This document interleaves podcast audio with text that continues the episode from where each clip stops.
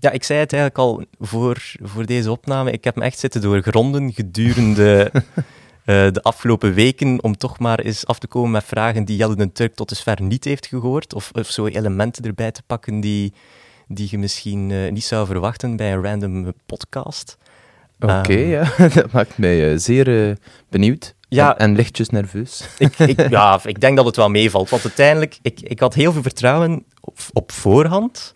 Totdat ik de podcast Anti-Radio van Free, ehm, Ja. Frederik de Bakker had geluisterd. Ja, ja, ja, ja. amai, Vier, vijf ja. jaar geleden, denk ik. Ja, dat is al wel even geleden, ja. Ja, en die heeft al mijn vertrouwen volledig weggevaagd.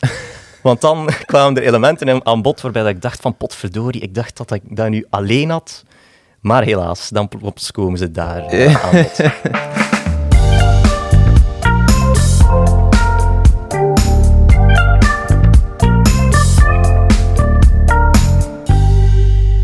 Jelle den Turk, van harte welkom bij Onder Vier Oren. Dankjewel. Heel fijn dat je wilt afkomen. Wat mij betreft, de grootste gast die ik al tot dusver heb gehad. Ehm, het, het- ja, het, ehm, ik, ik wilde sowieso een keer een, een, een muzikant erbij nemen die, ehm, die ik zelf heel hard bewonder. Ik heb u leren kennen via Dirk en dan op die manier ook PPP, eh, Pro- Protection Patrol Pinkerton, eh, Ja. ontdekt. En dan dacht ik van kom, ik ga me nog eens verder eh, gaan verdiepen in al hetgeen wat jij hebt gemaakt. Ehm, maar eerst, podcast. Is dat iets ehm, wat je vaak doet of eh, vaak naar luistert? Eh, meer en meer wel, ja. Ehm, ik was in, niet meteen mee met heel dat concept. En kijk, maar op weg naar hier bijvoorbeeld was ik nog naar een podcast aan het luisteren. Oké. Naar de tribune van Sporza. Kom mij wel boeiend. Het ging over heel de toestand in, in Oekraïne, wat dat nu Ja. ook qua invloed heeft op, eh, op eh, de sportwereld. Ja, dat is wel boeiend. Ehm, ja, ik be- begin dat wel meer en meer te doen. Ik heb zelfs onlangs zelf in gepresenteerd. Hij moet nog uitkomen. Ja, ja, ja, ja, voor eh, Vibe, Ja. het muziekplatform. Zij gaan een podcast lanceren, die heet Achterklap. En dat, dat gaat over... allee, wat is de bedoeling? We gaan jonge muzikanten eigenlijk een keer ehm, eh, laten kennismaken met managers, met boekers, met tourmanagers. Wat doen die mensen en, en hoe kunnen zij als jonge muzikant zichzelf op de juiste manier profileren om bij die mensen terecht te geraken? Ja, dat is wel zo'n wereld waarbij ik me voorstel dat die jonge bands daar inderdaad niet echt mee bezig zijn aanvankelijk. Nee, totaal niet. Eh, Ik had dat zelf ook, eh, ja, gelijk iedere muzikant denk ik, eh, toen dat ik begon. Ik wist niet dat boekers bestonden, dat managers bestonden, dat dat ook nog een keer twee verschillende mensen zijn die twee verschillende jobs hebben. Dat je nog labels, allee, ik denk dat de meeste mensen wel platenlabels, eh, dat concept kennen, Inderdaad. maar dat er een label en een manager en een boeker en een tourmanager en een lichtman en een klankman enzovoort eh, Ja. eh, bij komen kijken. Ik wist dat allemaal niet. En, en, en zelfs als je dat dan al weet, waar zitten die mensen en wie zijn dat en hoe moet je die bereiken? Inderdaad. Ehm, je moet dat, ik heb dat allemaal zo en route moeten leren.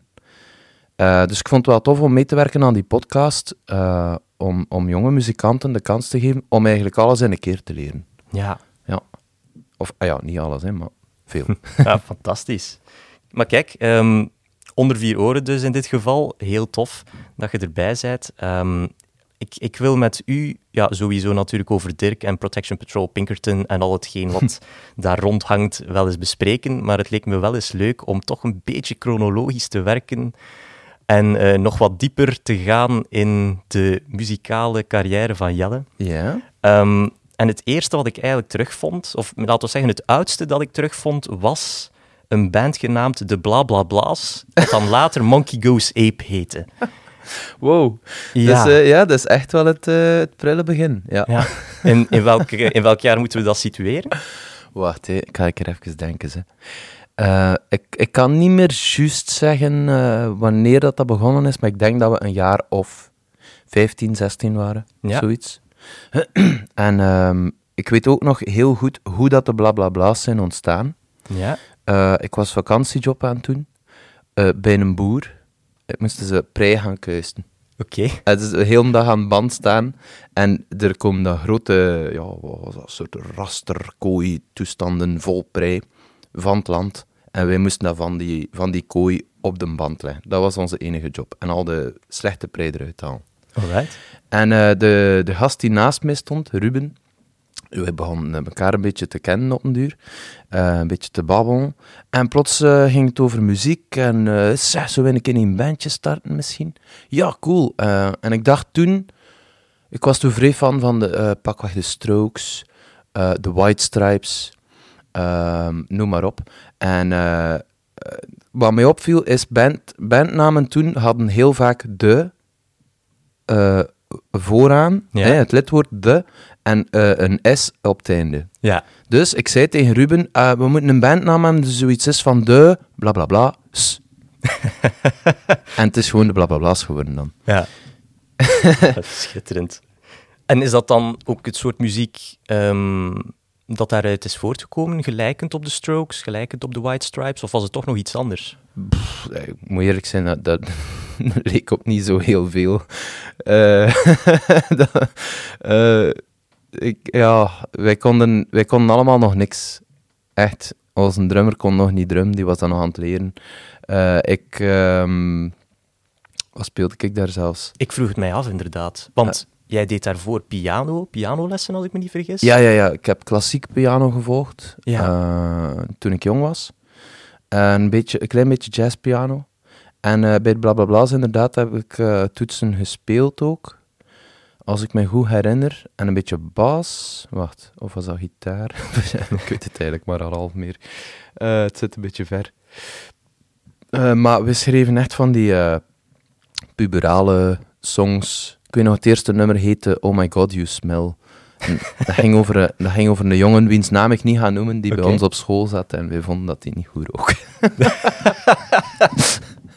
Eh, dus je mocht het eh, echt op dat niveau eh, situeren. Ja, en ik, nee, dat, zijn dat nummers die ooit zijn gespeeld geweest op optredens of zo? Want ik heb wel gehoord, ik heb ehm, een van de bandleden, nee, laat ik het anders zijn, ik heb alle bandleden gecontacteerd van die band. Met name, wie hadden we daar? Stijn de Kramer, Ja. Ruben van Parijs en dan nog een van En, eh, Steeland. ja, Laurens, ja. Laurens, ja, juist. En ehm, Stijn de Kramer had mij gezegd dat jullie wel optraden. Ik heb hem dan ook gevraagd van, zijn er toevallig opnames daarvan? Hela die zouden bestaan, maar hij vindt ze niet meer. Dus Ik denk inderdaad dat er ergens... Goh, op een harde schijf had er misschien nog wel iets staan. Maar eh, nee, nee, we hebben wel... ehm, allee, we hebben wel wat gespeeld, ja. Ik denk eh, de eerste keer dat dat op zo'n vrij podium was van school... En eh, we mochten één nummer spelen en we hebben er twee gespeeld. maar niemand had het door, omdat ze heel hard op elkaar leken. oké. Ehm, en eh, ja, zo eh, heel lokaal. wij waren, we zaten allemaal op school in Tielt. Dus wij speelden dan op van die, ja, wat is dat, spaghetti-avonden en dat soort Ja. toestanden. Ehm, eh, en een keer in een jeugdhuis hier en daar, ja. Maar eh, ja, de, de- leuke tijden mee gehad hoor. Dat waren echt heel toffe gasten. Ja, fantastisch. Ja, dat was echt vooral voor de fun. Ik, ik nam muziek toen helemaal nog niet serieus. Oké. Ja, heb je, heb je nog contact met hen? Want ik hoor nu van hen, ja, het is lang geleden, maar verder heb ik er niet echt op ingegaan toen. Ja, ehm, eh, ehm, ik denk, Ruben zie ik mm, bijna nooit meer, maar eh, allee, als we elkaar tegenkomen is dat heel amicaal. Ehm, Stijn zit bijna altijd in het buitenland voor zijn werk, dus die zie ik ook zo vaak niet. Maar Laurens, ehm, die zie ik nog heel vaak en dat is echt, eh, allee, dat is echt een heel dierbare vriend.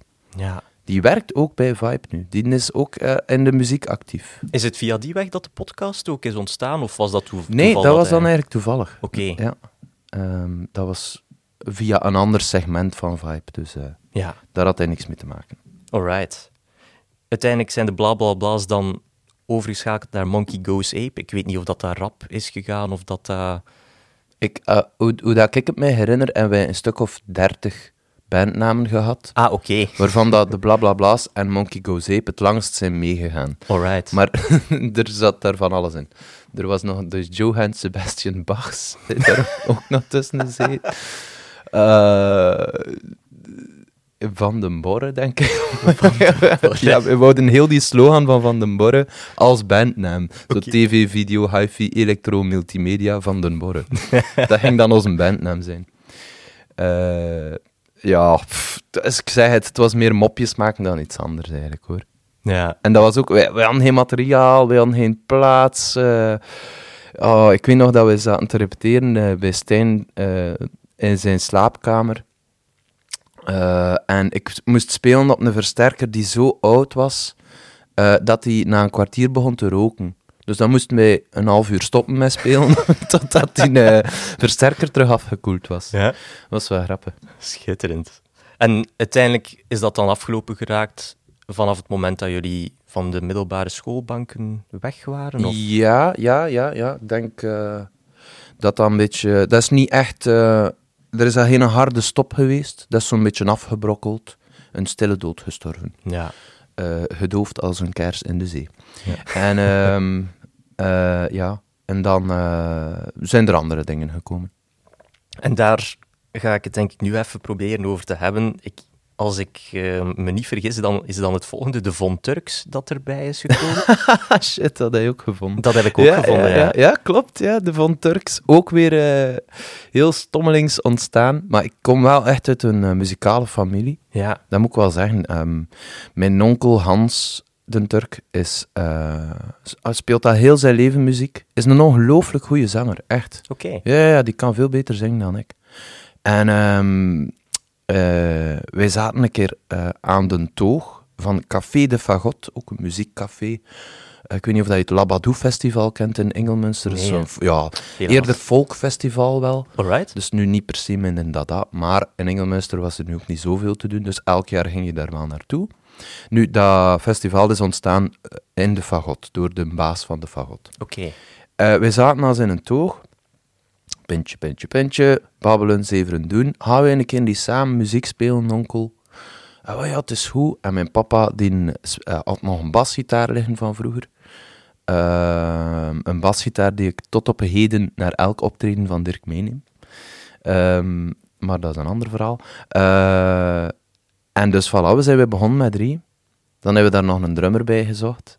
En eh onkel Hans schreef nummers in het West-Vlaams. Schitterend. Ja, en eh, dat was echt een family band. En dus dachten we, ah, like de Von Traps van in eh, The Sound of Music. Alright. Dus vandaar de Von Turks. Oké. Dat was, eh, dat was het idee. En daar wel plezier mee had. Allee, ik was toen ook, ja, ook 16 of zoiets. Ja. Dus ja, een jong broekventje tussen eh, onkel en papa.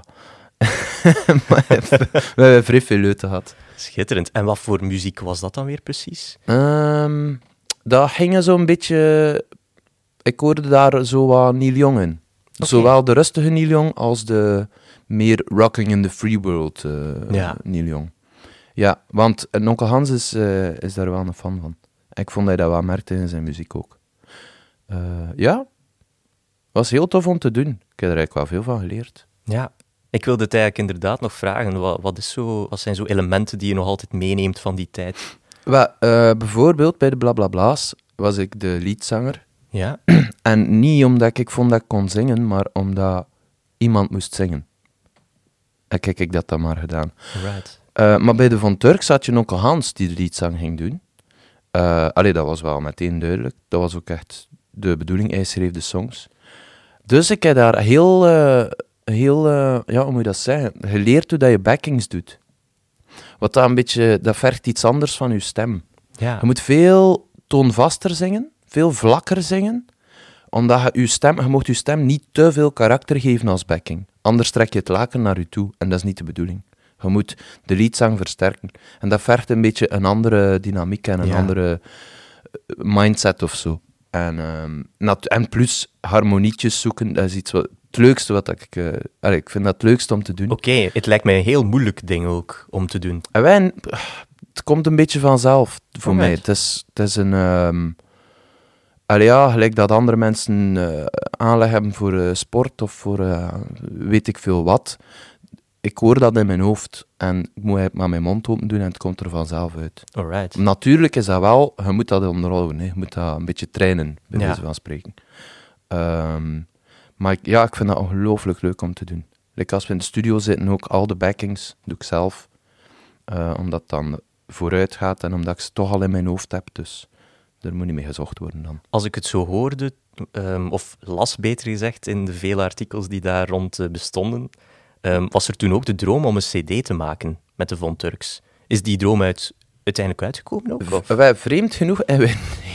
Je wacht een keer, jawel.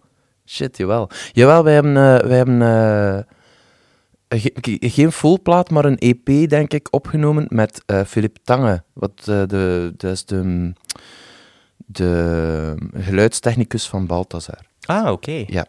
En een Kortrijksaan is dat. Ja. En wij hebben bij hem opgenomen in Kortrijk, in oude Radio 2-studio's die aan het station staan daar. Ehm, en dan nog een deeltje bij hem thuis. Dat was, eh, dat, was- dat was mijn eerste beetje serieuze, of serieuzere studio-ervaring. Dat was Ja. wel tof om te doen. Om te zien hoe dat Filip werkte. Ehm, maar eh, ja, de, de, het ding is, wij hebben die plaat nooit echt uitgebracht of zo. Waarom dat dan? Het was meer om dat te hebben. Ja, voor, voor uzelf dan en misschien ook Ja. aan familieleden mee te geven. Ja, zoiets, ja. En in Engelmünster, en we hebben bijvoorbeeld in de fagot, gaan ze dan af en toe nog een keer een liedje van de Van Turks opleggen. Schitterend. Ah, ja. Dat is, dus het is een beetje lokale folklore worden, zo. Ah, ik, ik voel nu al dat het een soort van uitdaging wordt voor mezelf om een van die exemplaren toch te weten te bemachtigen. Eh, ja. Er is wel, vreemd genoeg, wij hebben nooit echt een full cd gemaakt, maar wel eh, een dvd. een DVD. Ah ja, wacht, had ik ook niet op YouTube of, of ergens iets gezien van een optreden? Ja, dat kan. Maar ik weet niet Jawel, wij, wij hebben dan gespeeld op Labadou. Ah ja, natuurlijk, ja. Eh, ja, het Engelmunsterse festival, Engelmunsterse band. Die zingt over Engelmunster in veel gevallen. Ja, dat, dat was wel een goede match. Eh, dus, eh, en ah, via een maat van mijn onkel en papa ehm, is er dan een videocrew op afgekomen die heel dat spel gecapteerd hebben. En plots dan met dvd's, maar echt dozen vol dvd's. ik weet niet waar ze staan, maar ik weet redelijk zeker dat we ze niet allemaal verkocht hebben. Oké. Anders, ik ben sowieso eh, nog altijd eh, eh, kandidaat om er eentje op te pikken. Ja. We gaan ze een keer moeten in de webshop zetten. Ja, voilà, you never know. Ik, ik heb dus geprobeerd om op de website te geraken, want ik had gemerkt dat er een devonturks.be ook bestond, maar het gaf een, een Is foutmelding. het waar? Ja, ja, ja, ja. Ik denk dat het, eh, het abonnement zal niet verlengd geweest Ja, zijn. ik vrees ervoor.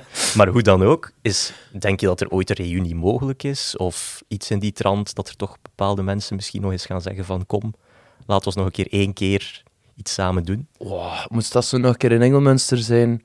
Wow, waarom ook niet? Tuurlijk, dat is tof. Ik zie mijn onkel graag, ik zie mijn papa super graag. Wij hebben wel een hechte band, wij hangen goed aan elkaar. Eh allee, al de, de hele familie de Turk. Eh, dat zijn mensen die ik heel graag zie, dus ik denk dat ik dat wel zou doen, ja. De Von Turks, dat is een, een hoofdstukje. Er is dan nog een iets kleiner hoofdstukje dat ik had gevonden, vooraleer dat echt...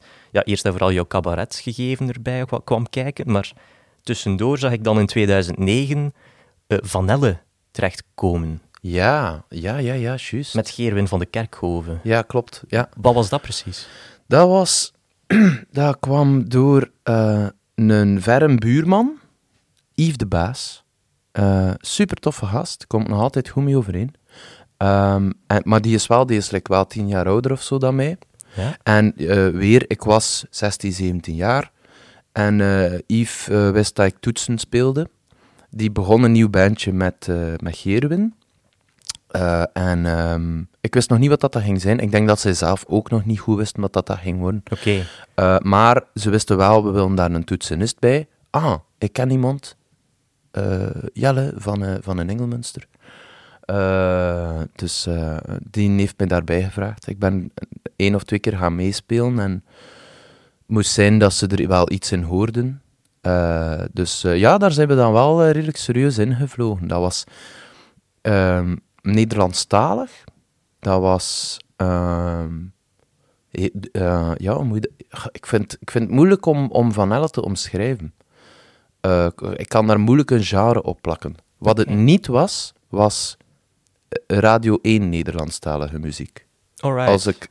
Ik, ik weet niet of ik mij daar goed duidelijk mee maak, maar het was niet... Je hebt zo eh, eh, artiesten à la Hannelore Bedert, Eva de Rovere, Ehm, dat zit zo een beetje in de, aan, de, aan de kant van de folk, zo, die richting uit. Ja. Ook de kleinkunst, een beetje die vibe.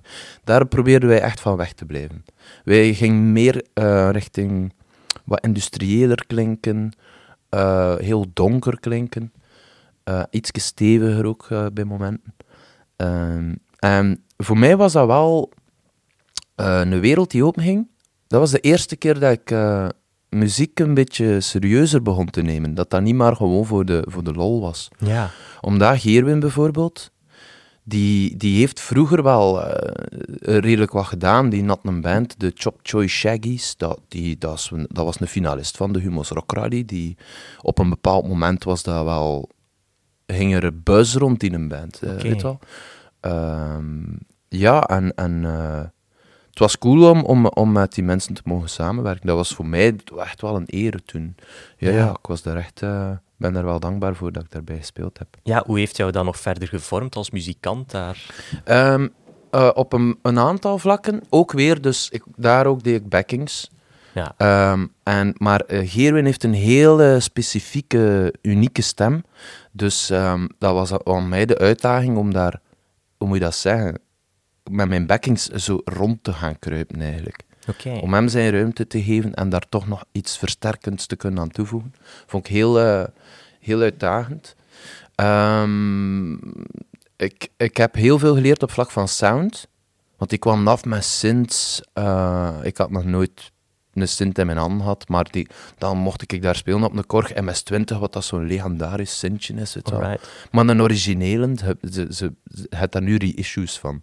Die zo driekwart zo groot zijn. Maar het was een origineel. En dat was zo'n eerste keer dat je zo'n analoge synth eh, mocht bedienen. Oh, fuck, dat was...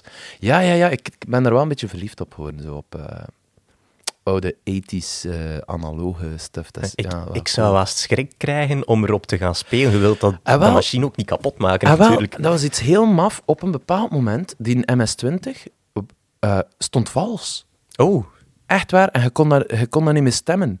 En ik vond dat zoiets absurd dat je een synth moest stemmen. een gitaar moest stemmen, de Ja. moet je toch niet stemmen? Maar dat, dat spel stond dus vals. Ik kon daar eh, en daar met kon je de beste wil van de wereld geen goede partij meer uitkrijgen die matchte met de rest van de band. Want het Ah, stond gewoon vals. Ja, dat was wel gek. Maar eh, ja, nee, ik heb daar vrij veel eh, bij geleerd. Ah, wauw, ja, we hebben dan ook eh, een singeltje opgenomen. Of een paar singeltjes. Drang, En, was, drang toevallig? Of, ja, ja, ja, ja. ja. En Geerwin, eh, di- dat waren, die gasten waren allemaal van Izehem afkomstig. Oké, Wie is er nog afkomstig van Izehem? Flip Kaulier. Flip Collier. En eh Geerwin en eh, Yves, die kenden die nog van vroeger. En die hadden gevraagd, Flip, zie jij dat zitten om in de studio te komen produceren? Eh, en wonder bij wonder, die zag dat zitten. Dus de grote Flip Collier, Flip kwam met ons in de studio. Ik als, als broekventje, ik was scheiden nerveus. Maar ik ben een mega fan van Collier, echt. Zijn eerste platen, zeker... allee, ik was toen nog tiener.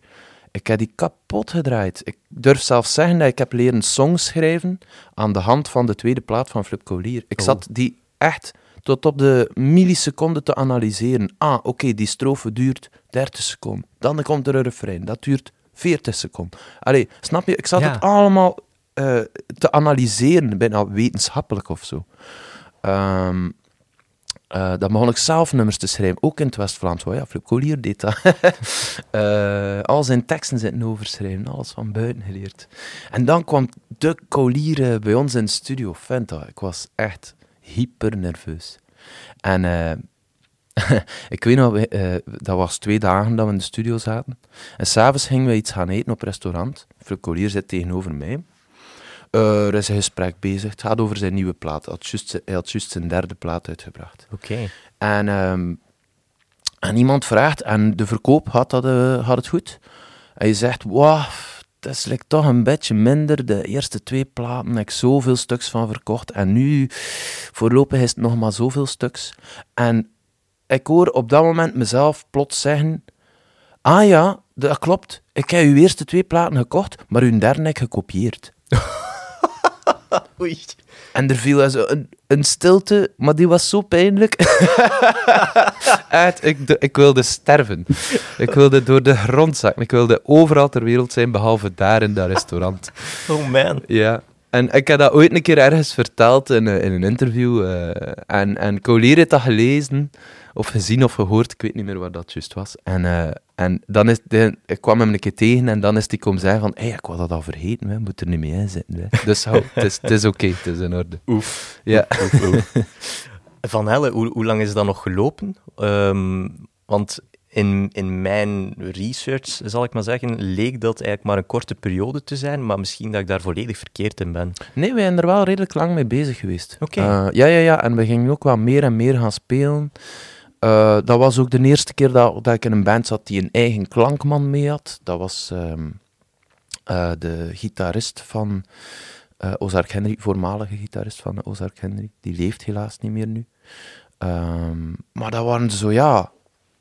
Je kwam met die mensen in contact en dat was zo, wow, dat zijn echte muzikanten. Ja.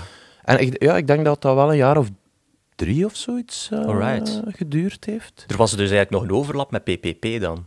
Ja, ja, Ja. ja, ja, ja. Ehm, ik denk dat al mijn eh, muziekprojecten wel een beetje in elkaar overgevloeid zijn. Ja. Of inderdaad, er is altijd een overlap geweest. Eh, dat was zo met, als, we, als ik van Van Ellen naar PPP ging, en ook als ik van PPP naar Dirk ging, er is daar ook nog een overlap geweest. En dan nog tussendoor vond je ook nog eens de tijd om cabaret te doen. Ja, ehm, ja dat kwam eigenlijk... eh, ik zat op de kunstschool. We moesten daar een eindwerk maken. En ik had dat gemaakt rond Comme il faut. Ik was op dat moment eh, in mijn leven enorm eh, geïntrigeerd door, door cabaret. En echt eerder het klassieke cabaret. Het cabaret dat je vaker in Nederland vindt. Ja. Ehm, en eh, ja, ik had mijn werk gemaakt rond faut. En dan moest er daar ook een, een, een, een soort... Ja, dus, dat was een scriptie dat je schreef eigenlijk. Maar er moest ook een praktisch eh, iets uitvoerbaars gemaakt worden. Want ja, het was een kunstschool. Ik deed Ja. woordkunstdrama. Er moest iets opgevoerd worden. Dus ik heb eh, zelf een liedje geschreven dan. Ehm, in de stijl van Comme il faut. Maar echt heel hard in de stijl van Comme il faut. Het was eigenlijk muzikaal zelfs een total rip-off van Ruimtevaarder. Oké. Ehm, maar ik heb dan de kans gekregen om dan een keer te, te- door te mailen naar Mich eh Walschaert Ja. van Comme il faut. En eh, die reageerde zelfs. En die was positief. Die vond dat goed. En die zei, doe verder. En ik ben dat dan wel serieus beginnen overwegen. Dus ik ben nog wel liedjes beginnen schrijven. En dan ehm, heb ik gevraagd eh, in uh, Tielt, in het, eh, in het CC daar, CC Ja. Gildhof, is er een klein zaaltje waar dat vaak jonge artiesten kansen krijgen. Eh, ik heb gevraagd, mag ik daar een keer spelen? En ehm voilà, dat mocht, waardoor dat ik plots een, echt, een deadline had. Ehm, en twee weken voor die deadline heb ik echt in het kot van achteren in de Nof gewoond. Eh, constant aan het schrijven geweest, constant van alles uitproberen. Eh totdat ik een ja, show had. Ja. Show is misschien veel gezegd, maar een reeks sketches en liedjes. Ehm, ja, en, en Ja. dat is dan eigenlijk eh, begin eh, een eigen leven leiden of zo. Ja, het, hetgeen wat ik daarvan terugvond op eh, de sociale media, ik, het, het ding wat mij daarbij opviel was, het is soms ongelooflijk absurd. Ehm, gaande van bijvoorbeeld piano spelen terwijl dat je een komkommer in je mond hebt. Ja, ja, ja. Hoe kom je daarop? waar, waar zit dat hoofd op, op dat ogenblik? Dat weet ik eigenlijk ook niet. Ik maar ik weet wel nog het ontstaansproces. Dus dat was het Concerto con de Gumo. Ja. Ehm, en het leek mij gewoon lollig om zo heel serieus, met een klare stem, eh, de mensen aan te kondigen dat er nu een stuk zal opgevoerd worden van Italiaanse componist Antonio Pape di. En die had het eh, Concerto con de Gumo geschreven. Eh, om dan vervolgens een, eerst een wortel in mijn mond te steken en met die wortel piano te spelen. Eh, En dan daarna een komkommer, wat dan nog een keer zoveel groter is. Ja. Eh, en dan eh, later eh, in de show ging dat dan, allee, kwam dat dan nog een keer terug. Dan speelde ik ook nog het concerto con frutos tropical. En dat was dan met een banaan. Met een banaan. Maar een banaan op de piano, ja, dat wordt vreselijk smerig. Ja. Ik weet nog, in, de, in, in het kot, toen dat ik allee, aan het schrijven was, ik kan dat niet het schrijven noemen, maar hoe, eh, ik heb van eh, echt alle, alle groenten eh, uit de groentewinkel geprobeerd. Prei, broccoli, om te zien wat dat, dat gaf. Ja, banaan was het best wel. Alleen, het, de miserie was, op een bepaald moment, ik had zo'n keer meegedaan aan een wedstrijdje, en, maar dan had ik dat ook gewonnen. Dat was Ja. allemaal niet de bedoeling. Maar plots had ik dat gewonnen. En dan kwam er een manager en dan moest ik nog een andere wedstrijd doen en die had ik dan ook gewonnen. En dan eh, moest ik meedoen aan Kameretten, wat ja, een van de... eh, allee, het, het Leids Cabaret Festival en het Kameretten, dat zijn de festivals in Nederland. Eh. Hans Theeuwen heeft dat gewonnen. eh, ehm, Brigitte Kaandorp heeft dat gewonnen. Dat zijn namen, hè. Ja. Hangt daar geschiedenis aan. Dan moest ik dat ook meedoen. Daar ben ik tot in de finale geraakt, dus bij de laatste drie, maar niet gewonnen. Ehm zwart, op- maar daardoor moest ik plots mega veel gaan optreden. En iedere keer met die een banaan op die piano zitten spelen. Dus dat begon te stinken, nee, op duur. Dat, was, dat kruipt dat tussen, tussen die toetsen. Ik probeerde dat wel uit te kuisen, maar eh, je kreeg daar nooit alles uit. Dus op een duur, maar voordat dat begon te Ja, worden, eh, echt... eh, Gewoon materiaal dat ruikt naar rotte banaan. Dat ja, ja, ja, nee, nee, nee, nee. Ehm, ik was het ook één keer vergeten. Oei. ik was het vergeten opkuisten. Oh ja, want ja, gespeeld. En dan de technici eh rollen uw piano zo snel mogelijk van dat podium. Want alles moet opgekraamd worden voor de volgende of whatever. Of omdat de avond gedaan is. En eh, die hadden gewoon de klep van de piano dicht gedaan, weggerold. Ik heb daar nooit meer aan gedacht. en Oh, ik moest een week niet optreden. En dus een week later doe ik die klep open. Die piano was groen. Oh my god. Echt, oh nee. dat was verschrikkelijk. Ik heb echt staan kokhalzen. Oh, man, dat was walgeluk. En eh, ja, het, het eerste optreden daarna was echt niet goed. Op een bepaalde manier leek mij dat eigenlijk gewoon een fantastische uitsmijter voor zo net na uw optreden nog te brengen op een groot scherm dat moment. Dat ja, ja, ja natuurlijk wel. Eigenlijk wel. Ik was nog niet eh, zo actief op social media, maar nu zou dat zeker in het lang en breed uitgesmeerd worden. Ik vermoed het Ja, al. ja, ja. Het, het- uiteindelijk, ja, zoals dat gezegd, verschillende toernooien gewonnen. Of, ehm allee, ja, cabaretfestival in Mhm. Helene, Nederlands, heb ik hier neergeschreven. Cabaret Concours Vlaanderen Ja. zat daar ook bij.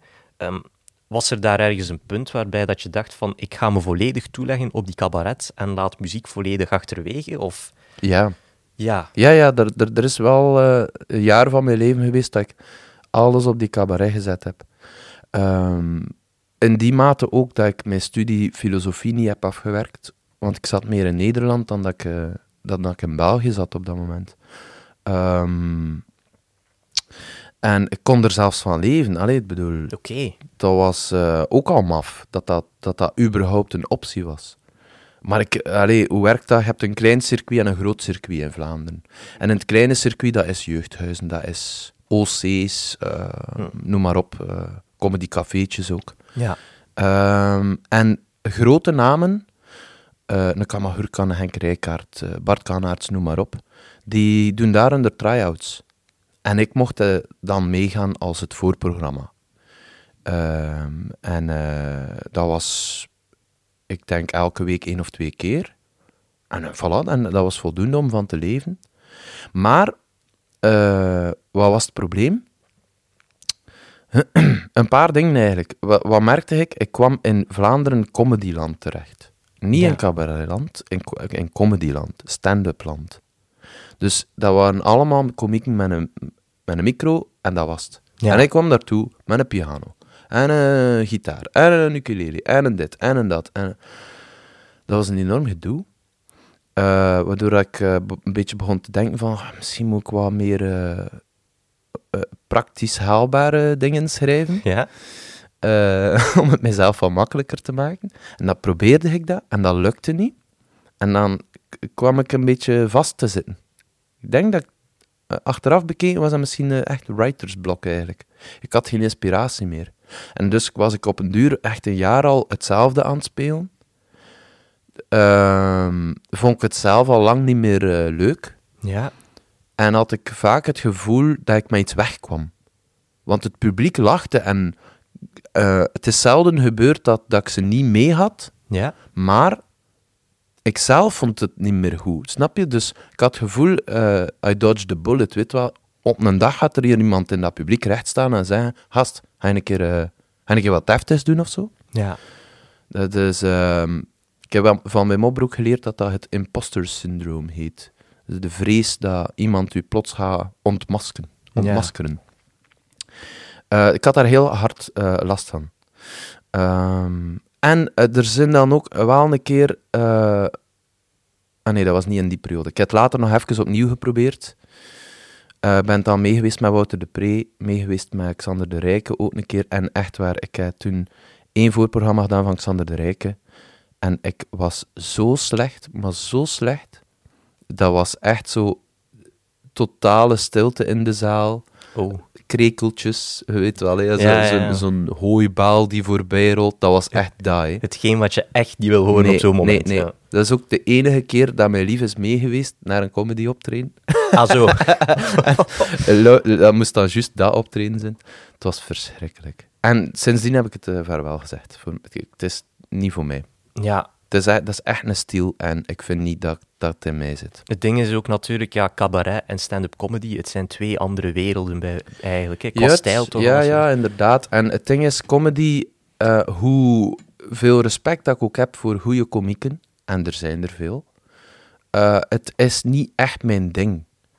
Waar dat cabaret vroeger heel hard mijn ding was, en nu ook al niet echt meer eigenlijk. ja. Het is vaak iets te, hoe moet je dat zeggen, En dan uiteindelijk toch eh, teruggekeerd naar de muziek, Ja.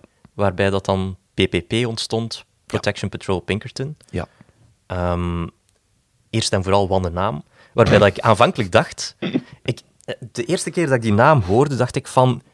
Dit moet ongetwijfeld afkomstig zijn uit de kanten van Weezer of zo. Gewoon Pinkerton, ja, het zal Ah, daarmee ja, te maken ja, hebben. En dan las ik van... De naam is afkomstig van een vraag uit de Canvaskrak. Ja, klopt, ja. En... What the heck? Ja, ja eh, ik weet niet. Dat is de nerd eh, in mij of zo, maar ik, ik keek vrij graag naar de canvaskrak met Herman ik. van Molle. Ik vond dat, ik vond dat een klasse Fantastische presentator. presentator, inderdaad. Ehm, en eh, ja, er werd daar een vraag gesteld over de Pinkertons. Ik had daar nog nooit van gehoord, maar dat was eigenlijk een beetje ja, een detective agency. Politie avant la lettre Ja. in het Wilde Westen. Alan Pinkerton was daar de, de baas en oprichter van. En dat stond blijkbaar op hun badge, Protection Patrol Pinkerton. En voor, ik, dat, ik heb dat toen opgeschreven toen dat ik dat hoorde. Ik weet niet waarom, want achteraf bekeken, tuurlijk is dat een mega slechte naam, want is quasi onuitspreekbaar op de radio. Eh, Allee, presentatoren vervloekten ons, hè, van motherfuckers met een lange, stomme naam. Eh, en wij vonden dat juist lollig, zo van, man, ik een mega lange, moeilijke naam eh, doen en dan mega eh, toegankelijke poppy-muziek Ja. maken. Ehm, ja. Er is, Ja, ik zeg ook gewoon PPP. Ah, wel, ik vroeg me al af van... Er is nooit het gedacht geweest van gewoon, we veranderen het naar PPP. We hebben daar wel... ehm, ja, ja, ja, we hebben daar wel over gebabbeld. Maar uiteindelijk is, eh, is dat er nooit echt van gekomen. Omdat wij iets hadden van, zeg maar PPP. Het is niet omdat het niet... Dat wij het niet afkorten, dat jullie het niet mogen doen. Ja, Dat is eigenlijk, maar eigenlijk ook weer een band die eerst voor de lol is ontstaan. ja. Ehm, en ook weer eerst nog tien andere namen gehad heeft. wij, wij waren eerst een coverbandje gewoon. ja. We speelden zo wat een beetje de Strokes en Frans Ferdinand en... Echt die New Yorkse scene, heb ik zo de indruk. Hè? Eh, Ja, ja, ja, ja. Maar het was... Ik, ik vind zo... Dat, had, dat was die periode, hè. Dat Ja. was toen gewoon hip. Frans Ferdinand... allee, veel Britpop.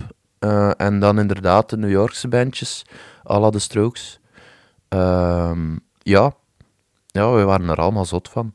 Ben ik ook nog altijd eh, wel zot van. Hè. het viel me ook inderdaad op, zeker bij, bij nummers als bijvoorbeeld Every, Everything is Not the Same. Daar hoorde ik heel zwaar de strokes in, bijvoorbeeld. Ah, ja, ja, ja. ja, ja. ik- misschien ook, ja, omdat ik allee, beide platen echt naast elkaar een keer heb gelegd en, en het zo eens eh, had vergeleken. Maar ehm, ik, ik merkte ook op, een opvallend gegeven bij PPP was, jullie schreven allemaal Ja. aan nummers. Ja. Ehm, was het eigenlijk moeilijk op, op die manier om een bepaalde sound te vinden? Of hadden jullie dat op voorhand al besloten van het moet sowieso die toegankelijke eh, Nee, nee, zijn? nee, nee, nee. Nee. Wij, wij waren veel steviger in het begin. Oké, Ja. Eh, echt zelfs een beetje... Het ging soms richting stadionrock, wat dat we dan zelf weer niet goed vonden. Ja. Maar we zaten nog in die fase, en ik denk dat veel jonge muzikanten dat misschien wel eh, gaan herkennen. De fase van, je bent al blij als je een keer een goede song geschreven hebt. En dan vind je al iets minder belangrijk dat het qua genre nogal ver van de rest ligt. Snap je? ja. Eh, dus wij hadden nummers die bijna jazzy waren. En dan plots echt stadionrock van, van heb ik je daar. Eh, en dat, dat alles door elkaar zo. Allee, er zat daar geen lijn in. ja. Maar wij waren, al- wij waren aan het leren, hè. wij waren aan het leren nummers. Dat was, aan- ook, dat was allemaal eigenlijk niet de bedoeling. Maar ik had dan een keer zo één liedje geschreven. Watching Over You heette dat. Dat stond ook op de eerste plaat, uiteindelijk. ja. Eh, en en dat, dat, eh, we hebben dat dan samen uitgewerkt. Eh, en eh hadden we wel iets van, ah shit, ja, dit kan wel iets worden. Maar de tien nummers na Watching Over You waren compleet anders van stijl. Dat waren, dat waren tien andere bands dat je hoorde. Oké. Eh, dan plots kwam het nummertje, allee, het singeltje. eh, The Future Is Our Home. Singeltje, zegt je. Eh, ah ja, maar ja, eh, allee, ik bedoel... Het is hetgeen dat dan ja. op de radio kwam, Ja. allee, ook daar weer, dat was totaal onverwacht. Wij vonden dat echt absurd Ja. dat dat gebeurde. Ik vroeg mij af, wie heeft dat nummer geschreven eigenlijk? Dat is echt eentje die samen is ontstaan. Er is daar niet één auteur. Alright. Ik zou zo graag de credits op mij nemen, maar we hebben dat samen geschreven, echt waar. En dat is heel spontaan. Plots was dat nummerke daar. Ja. Dat was bijna direct af. Eh, ik weet nog, we zaten in het repetitiekot in de, in de kazerne hier in Gent. Alright. Ehm, had je repetitiekoten van, eh van Democrazy. Ik denk dat dat daar nu niet meer zit, helaas. Dat waren heel toffe repetitiekoten. Ik zat daar graag. De zon zat daar al heel mooi binnen. Dus ja, wa- eh, de zon zat op ons gezicht. eh we wij een bakje bier. Iedereen was dus een beetje flij van, van pintjes te drinken de avond ervoor. hè. Het Ja. was studententijd. Hè. En ja, ik weet niet, we zaten zo allemaal in de juiste mood. En dat nummer rolde daar gewoon uit. Dat is zo'n spontaan nummer. Ik vind dat het is zo pretentieloos. Eh, dat was daar gewoon plots. En dan hebben we eigenlijk wel redelijk bewust onze sound helemaal rond dat nummer beginnen bouwen. En zo is die zonnige, poppy eh, sound van PPP dan ontstaan. Ja, want het ding is ook wat ik opmerkte van toen dat Future is Our Home een beetje doorgebroken was, hadden jullie ook echt heel zwaar geprobeerd om het in de afrekening te krijgen. Ehm, met, wel eh, werk van gemaakt. ja, filmpjes en dergelijke. Ik heb ze nu niet zelf gevonden, moet ik zeggen, maar wat moet ik me daarbij voorstellen toen? Ehm, goh, wat hebben wij allemaal gedaan? Onder andere hebben wij de straat opgetrokken en mensen laten onze naam uitspreken. Protection Patrol Pinkerton. Wat, ja, en dat lukte niemand natuurlijk. en met, maar van het idee van, als je het, als het wilt leren om hem juist uit te spreken, dan moet je erop stemmen in de afrekening, zodat je hem veel hoort. Ja, Eh, slim. Ja, voilà. En ehm, dan, eh, oh, wat hebben we nog gedaan? Goh, met nachten hebben we daaraan gewerkt. Eén filmpje was zo, eh, eh, eh, de boodschap dat we wilden was, don't forget to vote for Protection Patrol Pinkerton. Mhm. En wat hebben we gedaan? We hebben films gaan doorspitten, waarin dat het eerst eh, een, personage zegt don't, en een, een ander personage zegt forget. En zo uit allerlei films Oh, een compilatie gemaakt totdat we dat zinnetje hadden. Ja. Eh, Protection Patrol Pinkerton. Was niet zo makkelijk. Ah, wel, ik wil het. Oké, don't forget en ja, ja, to ja, vote, allemaal goed en wel, maar dan komt je bij je eigen band. En wel, eh, Pinkerton inderdaad, dat was een uitdaging. En we hebben het uiteindelijk gevonden in de HBO-serie Deadwood. Oh, Dat komt daarin voor. Want ja, dat speelt zich af in het Wilde Westen. En eh, ja. Eh, daar hebben we het in gevonden. Maar dus ja, al die films moesten bekeken, bekeken worden om dan dat ene woordje daaruit te halen. Film downloaden, dat daaruit knippen. Waarschijnlijk totaal illegaal ook. Eh, ja, nee, nee. Wat, wat- ah, ja, dat was wij waren soms meer een knutselklas dan een band eigenlijk. maar ja, dat, was, dat schept ook een band. Hè. Ja, dat is waar. Ja, heel tof om te doen. Ja, en ja, uiteindelijk heeft het ook eh, zijn vruchten afgeworpen. Het is erin terechtgekomen, 14 weken, dacht ik. Ja, het heeft er lang in gestaan. We zijn nooit vrij hoog geraakt, denk ik, maar het heeft er wel heel lang in gestaan. Ja. Hoe, hoe, wat is het belang eigenlijk van, van de afrekening voor bands als jullie? Ehm, Hoe groot is dat? Want uiteindelijk, ja, we gaan er later nog op komen, maar uiteindelijk dan allee, met Dirk drie op hetzelfde moment. ja, ja, ja, ja. Ehm, Ja, dat heeft wel een impact gehad. Dat kan ik wel niet ontkennen. Ehm, ja, de afrekening, ik weet niet. Het is wel. Ik, dat, ik ken dat al heel mijn leven. Ik heb nooit geweten dat de afrekening niet bestond. Ja. En ik luisterde daar ook echt fervent naar. Elke week. Eh we gingen met het gezin elke week gaan wandelen. En je rijdt dan naar een of ander bos of whatever. En onderweg was het juist altijd de afrekening die bezig was. En dan daarna of voor het, het, het Leugenpaleis. Ja, Ja. Ik weet dat nog, dat was zo, wauw. van Dat, dat was goede radio toen. en ehm, eh, om dan zelf de- in die afrekening te kunnen staan, ja, dat is een beetje, ja, toch een beetje een jongensdroom of zo. ja. Dus eh, ik denk dat we dat vooral daarvoor deden. Maar wat speelt er ook mee? Als je lang in de afrekening staat, heb je ook kans dat je langer gedraaid wordt op de radio. Hm. Overdag, tijdens de week. ja. Dus dat was een beetje de redenering. Ja, nou, maar ja, dat is, dat is, dat is nooit gedaan wat dat met Dirk dan later wel... Ah, wel, Allee, wat dat daar dan gebeurd is, ja. ja, ik wilde het eigenlijk vragen van, is er nu echt een verschil met het heden? Maar daar is dan het, het antwoord ja op, denk ik. Ko- eh, ja, ja, ja, ja, zeker, zeker. Het is... eh, eh, PPP, ehm, hoe moet ik het zeggen? Ik, ik beschouw dat een beetje als, als mijn eh, leerschool of zo. Ja. Ik heb daar eh, ongelooflijk veel uh, opgestoken. En ook heel veel dingen geleerd hoe, hoe het niet moet. Bijvoorbeeld die bandnaam. Ja, je zet jezelf gewoon in het zak. Met zo'n bandnaam. En als, je, als uw ambitie is om op de radio te komen, maak dan dat je een naam hebt die simpel is, kort is en catchy is. Ja. Niet Protection Patrol Pinkerton. gewoon niet doen.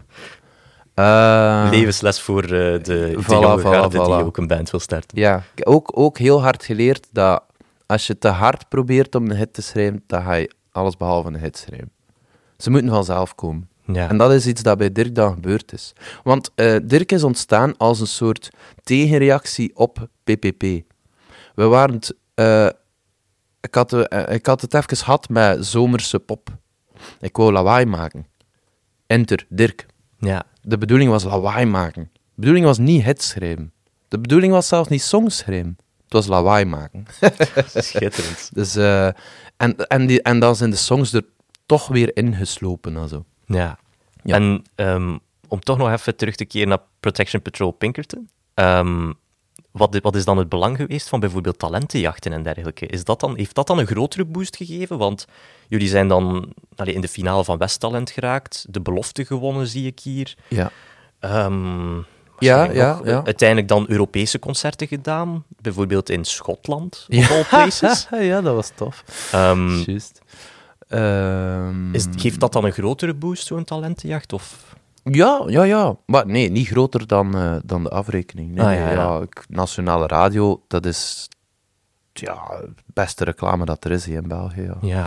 Maar die talentenjachten eh, gaan nu wel meer optredens opleveren. Ja. Zeker omdat dat zijn ook echt talentenjachten die op het live aspect eh, gericht zijn. Nu heb je bijvoorbeeld de nieuwe lichting. Die, die deelnemers moeten op geen enkel moment live spelen. Ja. Ehm een Westtalent, wat dat nu soundtrack is geworden, daar wel. Ehm, en ik vond wel, wij waren wel een goede live band. Dat zat, strak. Ehm, daar konden we wel mee buiten komen. Eh, ik weet nog in de finale van Westtalent, dat we, we waren ontzettend ontgoocheld dat we maar derdes waren. Nee, we waren zelfs geen derdes. We, we stonden niet eens in de top drie. Ja. Terwijl dat we vooraf, van langs alle kanten, werd er gefluisterd, PPP. Bestempeld als topfavoriet Ja, zo, samen Ja. met Miava zo. Eh, en wij waren ook allebei fan van elkaar. Miava, allee, de gasten van Miava, we kwamen daar goed mee overeen. En allebei stonden we niet in die, die top drie. En, oh, we waren misnoegd en we- kwaad en, en gefrustreerd en onthoogeld. Maar achteraf bekeken eh, snap ik het ook wel. Wij, wij hebben veel te hard op dat podium gewandeld met een air van we gaan hier iedereen omverblazen. Terwijl wij niet dat soort band waren. Wij moesten het hebben van fris, frisse, pretentieloze indie-pop. Oké. Niet van we- we're gonna rock your minds, weet wel. Eh, dus eh, we waren niet onszelf op dat podium. En de jury heeft ons daarvoor gestraft. Terecht. Oké. Ik ben afgeweken van de vraag. hè. Maar talentenjachten. Maar in ieder geval, uiteindelijk wilde ik ertoe komen. Europese concerten. Ja. Eh, uiteindelijk twee, denk ik. Dus het Ja, Freeze ja. Festival in Nederland en dan Go North Festival in Schotland. Ja, ja, ja. Hoe kom je daar terecht? Dat was, eh, ja, dat was eigenlijk een soort uitwisseling van, eh, door Vibe georganiseerd. En zij hadden ons geselecteerd. Wij hadden daar niet zelf voor moeten Ah, deelnemen of zo. Dus plots kregen wij gewoon het aanbod van, ja kijk, eh, er is dit soortement uitwisselingsproject waarbij dat bands van over heel Europa ja, naar mekaars land gaan gaan spelen. Eh, willen jullie in Schotland gaan spelen? Ah ja, ja, tuurlijk wil je dat. Dus Ja, Ah, Zo'n ontzettend fijne ervaring. Bovendien was, waren alle kosten eh, betaald. Zalig. Dus we moesten met niks inzitten. Eh, zo, zo was ik voor de eerste keer in mijn leven op Heathrow. Weet je wel. Eh, ik had dat nog nooit meegemaakt. Ik had nog amper gevlogen. Ehm oh, we hebben een schone tijd gehad in Schotland. Ik weet nog, we hebben toen ehm, Inverness uh, bezocht. Allee, het, het Loch Ness is daar, hè. eh ja. met het monster. En er staat er een kasteel bij. En eh wij, wij waren net... eh, het, was, het ging bijna sluiten. Eh ik kon dat bezoeken, maar het ging bijna sluiten. Wij lopen nog naar de ingang zo om te vragen aan die laatste medewerkster die daar was van kunnen wij, kunnen wij nog een keer op een tour doen? En ze zei, fuck off! dus nee. Ouch. Ja? Waarop dat we gewacht hebben totdat ze zij weg was en dat de parking leeg was. En dan hebben we over een draad geklommen en alsnog met een fles whisky op dat kasteel gaan zitten. En dan bij een, eh, een zon die juist achter de horizon kroop, het Loch Ness, een, een, een ruïne, prachtige, eh, prachtige ruïne, glaasje whisky. Oh, zalig. Zalig. Ja, ja. Goeie tijden gehad. Fantastisch. Ik, ik vraag me ook af, dat Schotse publiek, is dat een ander publiek dan het Belgische of valt dat mee? Ah, die waren mega, mega enthousiast. Ja? Dat is zalig. Ah, wij hadden overdag moesten wij een, een soort akoestische sessie doen bij de lokale BBC. Oké. En de, alle mensen die daar aanwezig waren, ook technici, presentatoren enzovoort, zijn dan s'avonds naar ons eigenlijke optreden in, eh, in de stad komen kijken. Eh, en die heel dat kot op staat gezet. Dat was echt wel, het was vrij tof. Dat was heel klein, maar echt met ons enorm geamuseerd. Ah, fantastisch. Ja. Ehm, nog, een, nog een talentenjacht waar jullie aan deelnamen was eh, JK Rock Rally, JEKA, ehm, waar dat jullie finalist waren. En waar dat mij vooral bij opviel was dat je daar een ticket kon, of een ticket, een, een plaats op de affiche van Ziget Festival kon winnen. Juist, amai, ik was dat zelfs vergeten. Ja, ja, maar inderdaad, het ding was, onze, ik, ik ben daar zelf nog nooit geweest, maar al de rest van PPP ging elk jaar naar Siget. Oké, Dus die wilden gewoon spelen op Siget en daar dan het festival ook ja, doorbrengen. dat is ongelooflijk. Ja, ja, dat was wel tof geweest, maar ik denk dat we toen een nipt verloren hebben. Ik weet niet meer van wie zelfs. Ja, wat. Ik zou het nu heel graag gezegd hebben, maar ik, Nee. heb het niet staan in research. En ze zijn hier aanwezig. ja, stel je voor. Oh. Maar ja, ik wilde het eigenlijk nog vragen. Is daar intussen verandering in gekomen of eh voorlopig nog altijd niet bezocht? Nee, nee, nee, ik ben er nog altijd niet geweest. Ehm, Wel Eh. op de wishlist misschien? Of, eh, Ja, misschien. Waarom niet? Waarom niet? Ehm, ik, ben, ik, ik moet eerlijk zeggen, ik ben niet zo'n reismens. Ik, Ah, ik ga niet snel ver van huis. Kijk, ik ben nogal van het, van het idee van in uw eigen hof is het ook mooi, maar je moet gewoon kijken. Snap je? ja.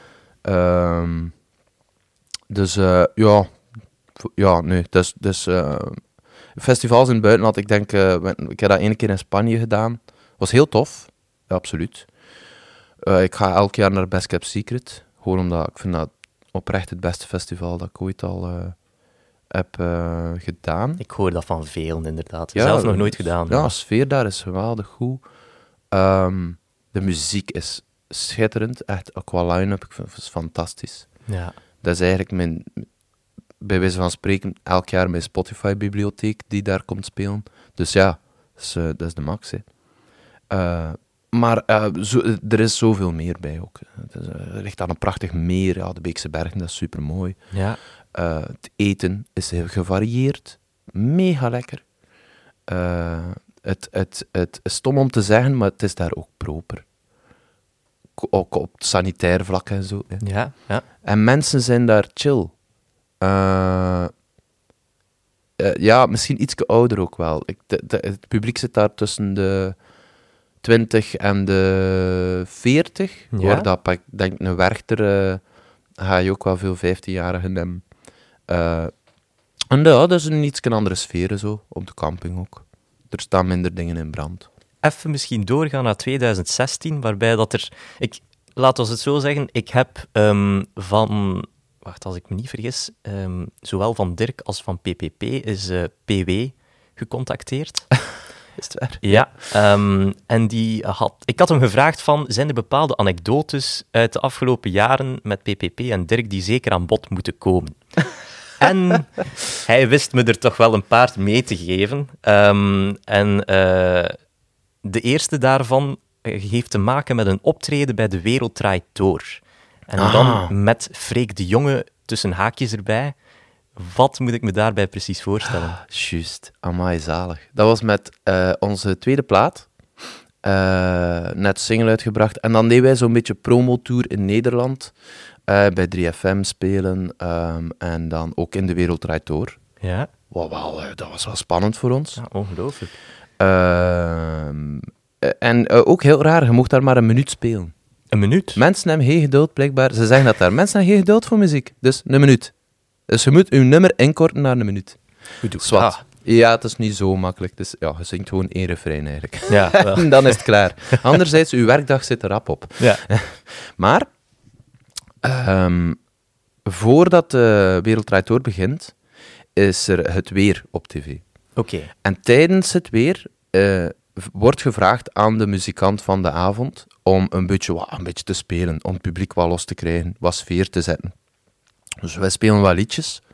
We hadden er twee of drie voorbereid en dan zei ik van, ah ja, ze zijn op.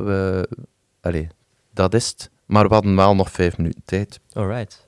Waarop dat Freek de Jonge, die, die, eh, die ook gast was die avond, eh recht springt van zijn stoel, eh, naar het podium komt gelopen. Ik dacht, what the fuck gebeurt er hier nu? En die komt bij mij aan de piano staan en die begint te spelen van Er is leven, er is leven na de dood. De band begint gewoon spontaan mee te spelen. Ja? En voilà, en plots heel die zaal aan het meezingen, aan het klappen en aan het doen. Ongelooflijk tof moment. En eh, ja, hele lieve man ook, Freek de Jong. Echt waar. Die, hij was... ehm, hij kwam echt nog zelf met ons babbelen achteraf ook. En eh, ja, ja, ik vond hem heel sympathiek. Ook heel cool dat dan de bandleden ook perfect kunnen inpikken op hetgeen wat hij Hey, maar doet. zeg maar, dat, dat, waren, dat waren goede muzikanten, hè? Ja, want we hebben ze eigenlijk nog niet vermeld. Ik zal ze anders gewoon snel Ja, even ja, zeggen. ja. Dus Pieter Willem Lauwers, die ehm, gitarist is. Ja. Eh, Frederik de Smet, idem. Nee, Frederik de Smet eh, zit bij Dirk. Ah, wacht, ik ben hier mis. Ja, dat is bij Dirk inderdaad. Ja, ja, ja. ja, ja. Bij, eh, bij PPP was het dus... eh, was Laurens van Steeland, Voilà. Niels Tijdgat en dan Floris Kesteloot. Voilà, klopt, ja. ja. En Niels Tijdgat bijvoorbeeld, die is nu nog actief. Die speelt nu bij Claudio, de nieuwe band van Floris de Dekker. Floris de Dekker was de man van Team William vroeger. Ja. Speelde bij de Van Jets ook. Nu bij Intergalactic Lovers. Ja, Niels is ook nog bezig. Vrij goeie bassist. Ehm, ja, echt waar. Dat worden wel echt al stuk voor stuk goede muzikanten hoor. ja, fantastisch. Met, met oren aan hun druk op, weet je wel. Ja. Ehm, ja, want als zoiets gewoon echt puur, op, allee, puur in het moment gebeurt, dan ja, ja, voilà, voilà, voilà. Ja. De- daarvoor moet je het wel voelen of zo. Ja. inderdaad. Eh, nee, het was, was een heel mooi momentje, gewoon heel spontaan.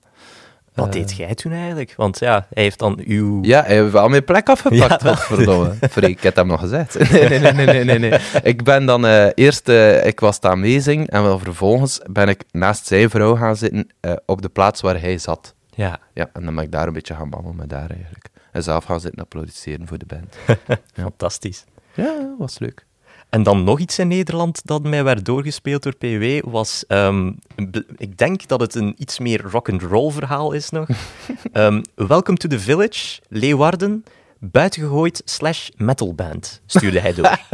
Wat moet ik me daarbij voorstellen? Heeft het ook wel zeer sumier verwoord. Inderdaad, eh, ik ja. had het hem ook wel gevraagd, Ah, ja, zodat ja, ik niet alles weet. Ah, oké, zo wel. Eh, Juist. Dat was eh, ja, ook een mooie avond. We moesten daar, we, we moesten daar spelen. We waren... eh Leeuwarden is ver. Dat is lang in de auto zitten. Ik denk wel een uur of vijf of zo. Eh, hoe, wij komen daartoe. Wij doen onze set. Zeer lauw publiek. Eh, we hadden ze niet echt mee. Het was te vroeg op de avond. Eh, maar wat, wij hadden plezier. Wij amuseerden ons altijd. Eh, maar wij waren met een band met, met vijf leden. En daar waren er nog eh, twee mensen mee. Geluidstechnieker en nog iemand als, als roadie. Oké. Eh, dus zeven man in totaal. En we kregen in de backstage één kratje bier. Dat wil zeggen één bak bier. 24 puntjes voor zeven man. Ja, dat is niet bijster veel, hè? Dat is niet veel. Wij als Belgen, wij, wij hebben ons puntjes nodig, hè. Ja. Eh, en wij waren daar een beetje misnoegd over. En op een bepaald moment, wij lopen van de ene zaal naar de andere langs de backstage. En wij lopen door de gang en het staat daar vol bakken bier. En we dachten, ja kom, we gaan hier gewoon nog, eh, we gaan nog eentje pakken. Hè. Waarop dat er juist een medewerker van dat festival komt binnengewandeld. En die zegt, eh, nou, dat is dus niet de bedoeling. Waarop dat hij ons eh, naar de security brengt en met heel een band buiten smijt. Dus Oei. we zijn buiten gevlogen eh, eh, op het festival waar wij zelf speelden.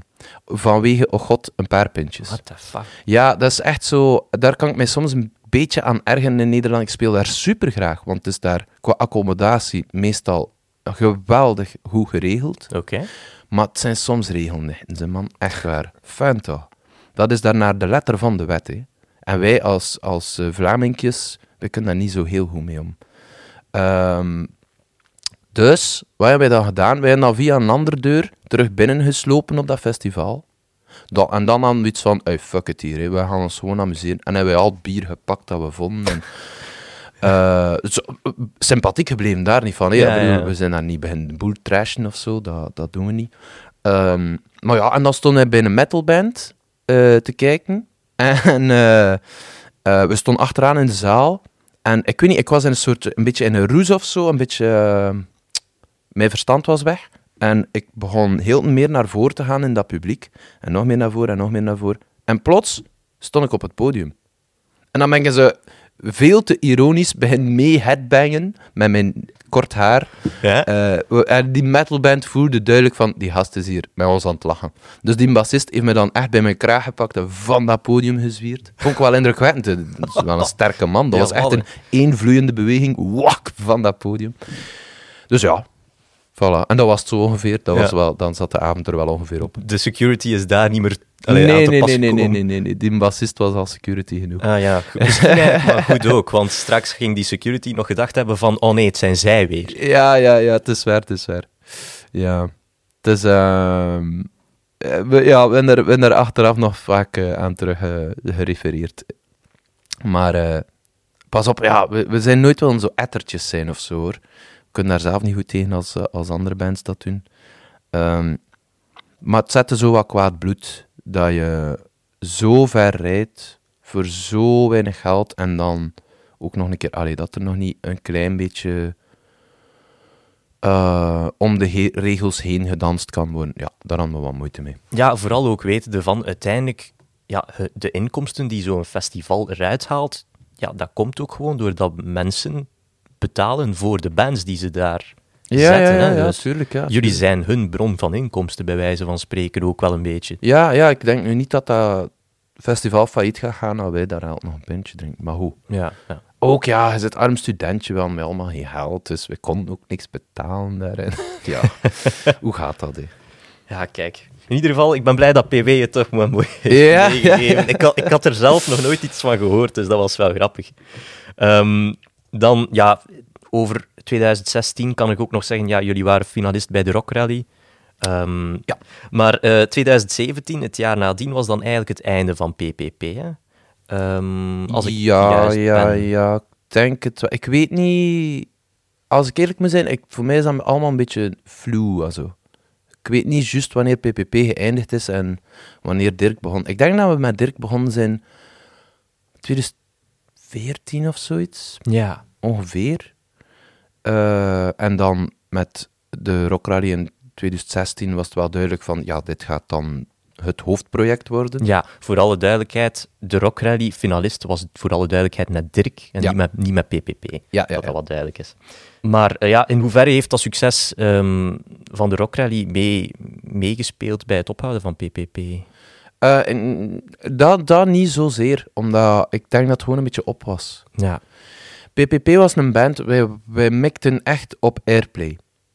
Als die airplay niet komt in de mate waarop dat je het hoopt, eh, ja, dan is dat ook een beetje een signaal van de radio van, ja, hiermee gaat het niet lukken.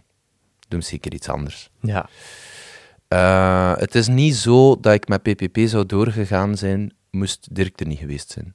Het, het, verhaal was verteld, voor mij. Eh, ik had heel veel werk in die tweede plaat gestoken, die ik wel meer naar mij toegetrokken ook. Omdat, ook een beetje om praktische redenen, want eh, iedereen begon te werken. Er was gewoon veel minder tijd Ja. in de week. Als student, ja, als je niet naar de les gaat, dan heb je een hele dag vrij. Hè. Kun je muziek maken, zoveel of dat je wilt. dat is waar. Eh, wat we ook allemaal deden. Maar eh, een keer dat iedereen begon te werken, was er wat minder tijd. Dus ik heb het songschrijfproces meer naar mij toegetrokken.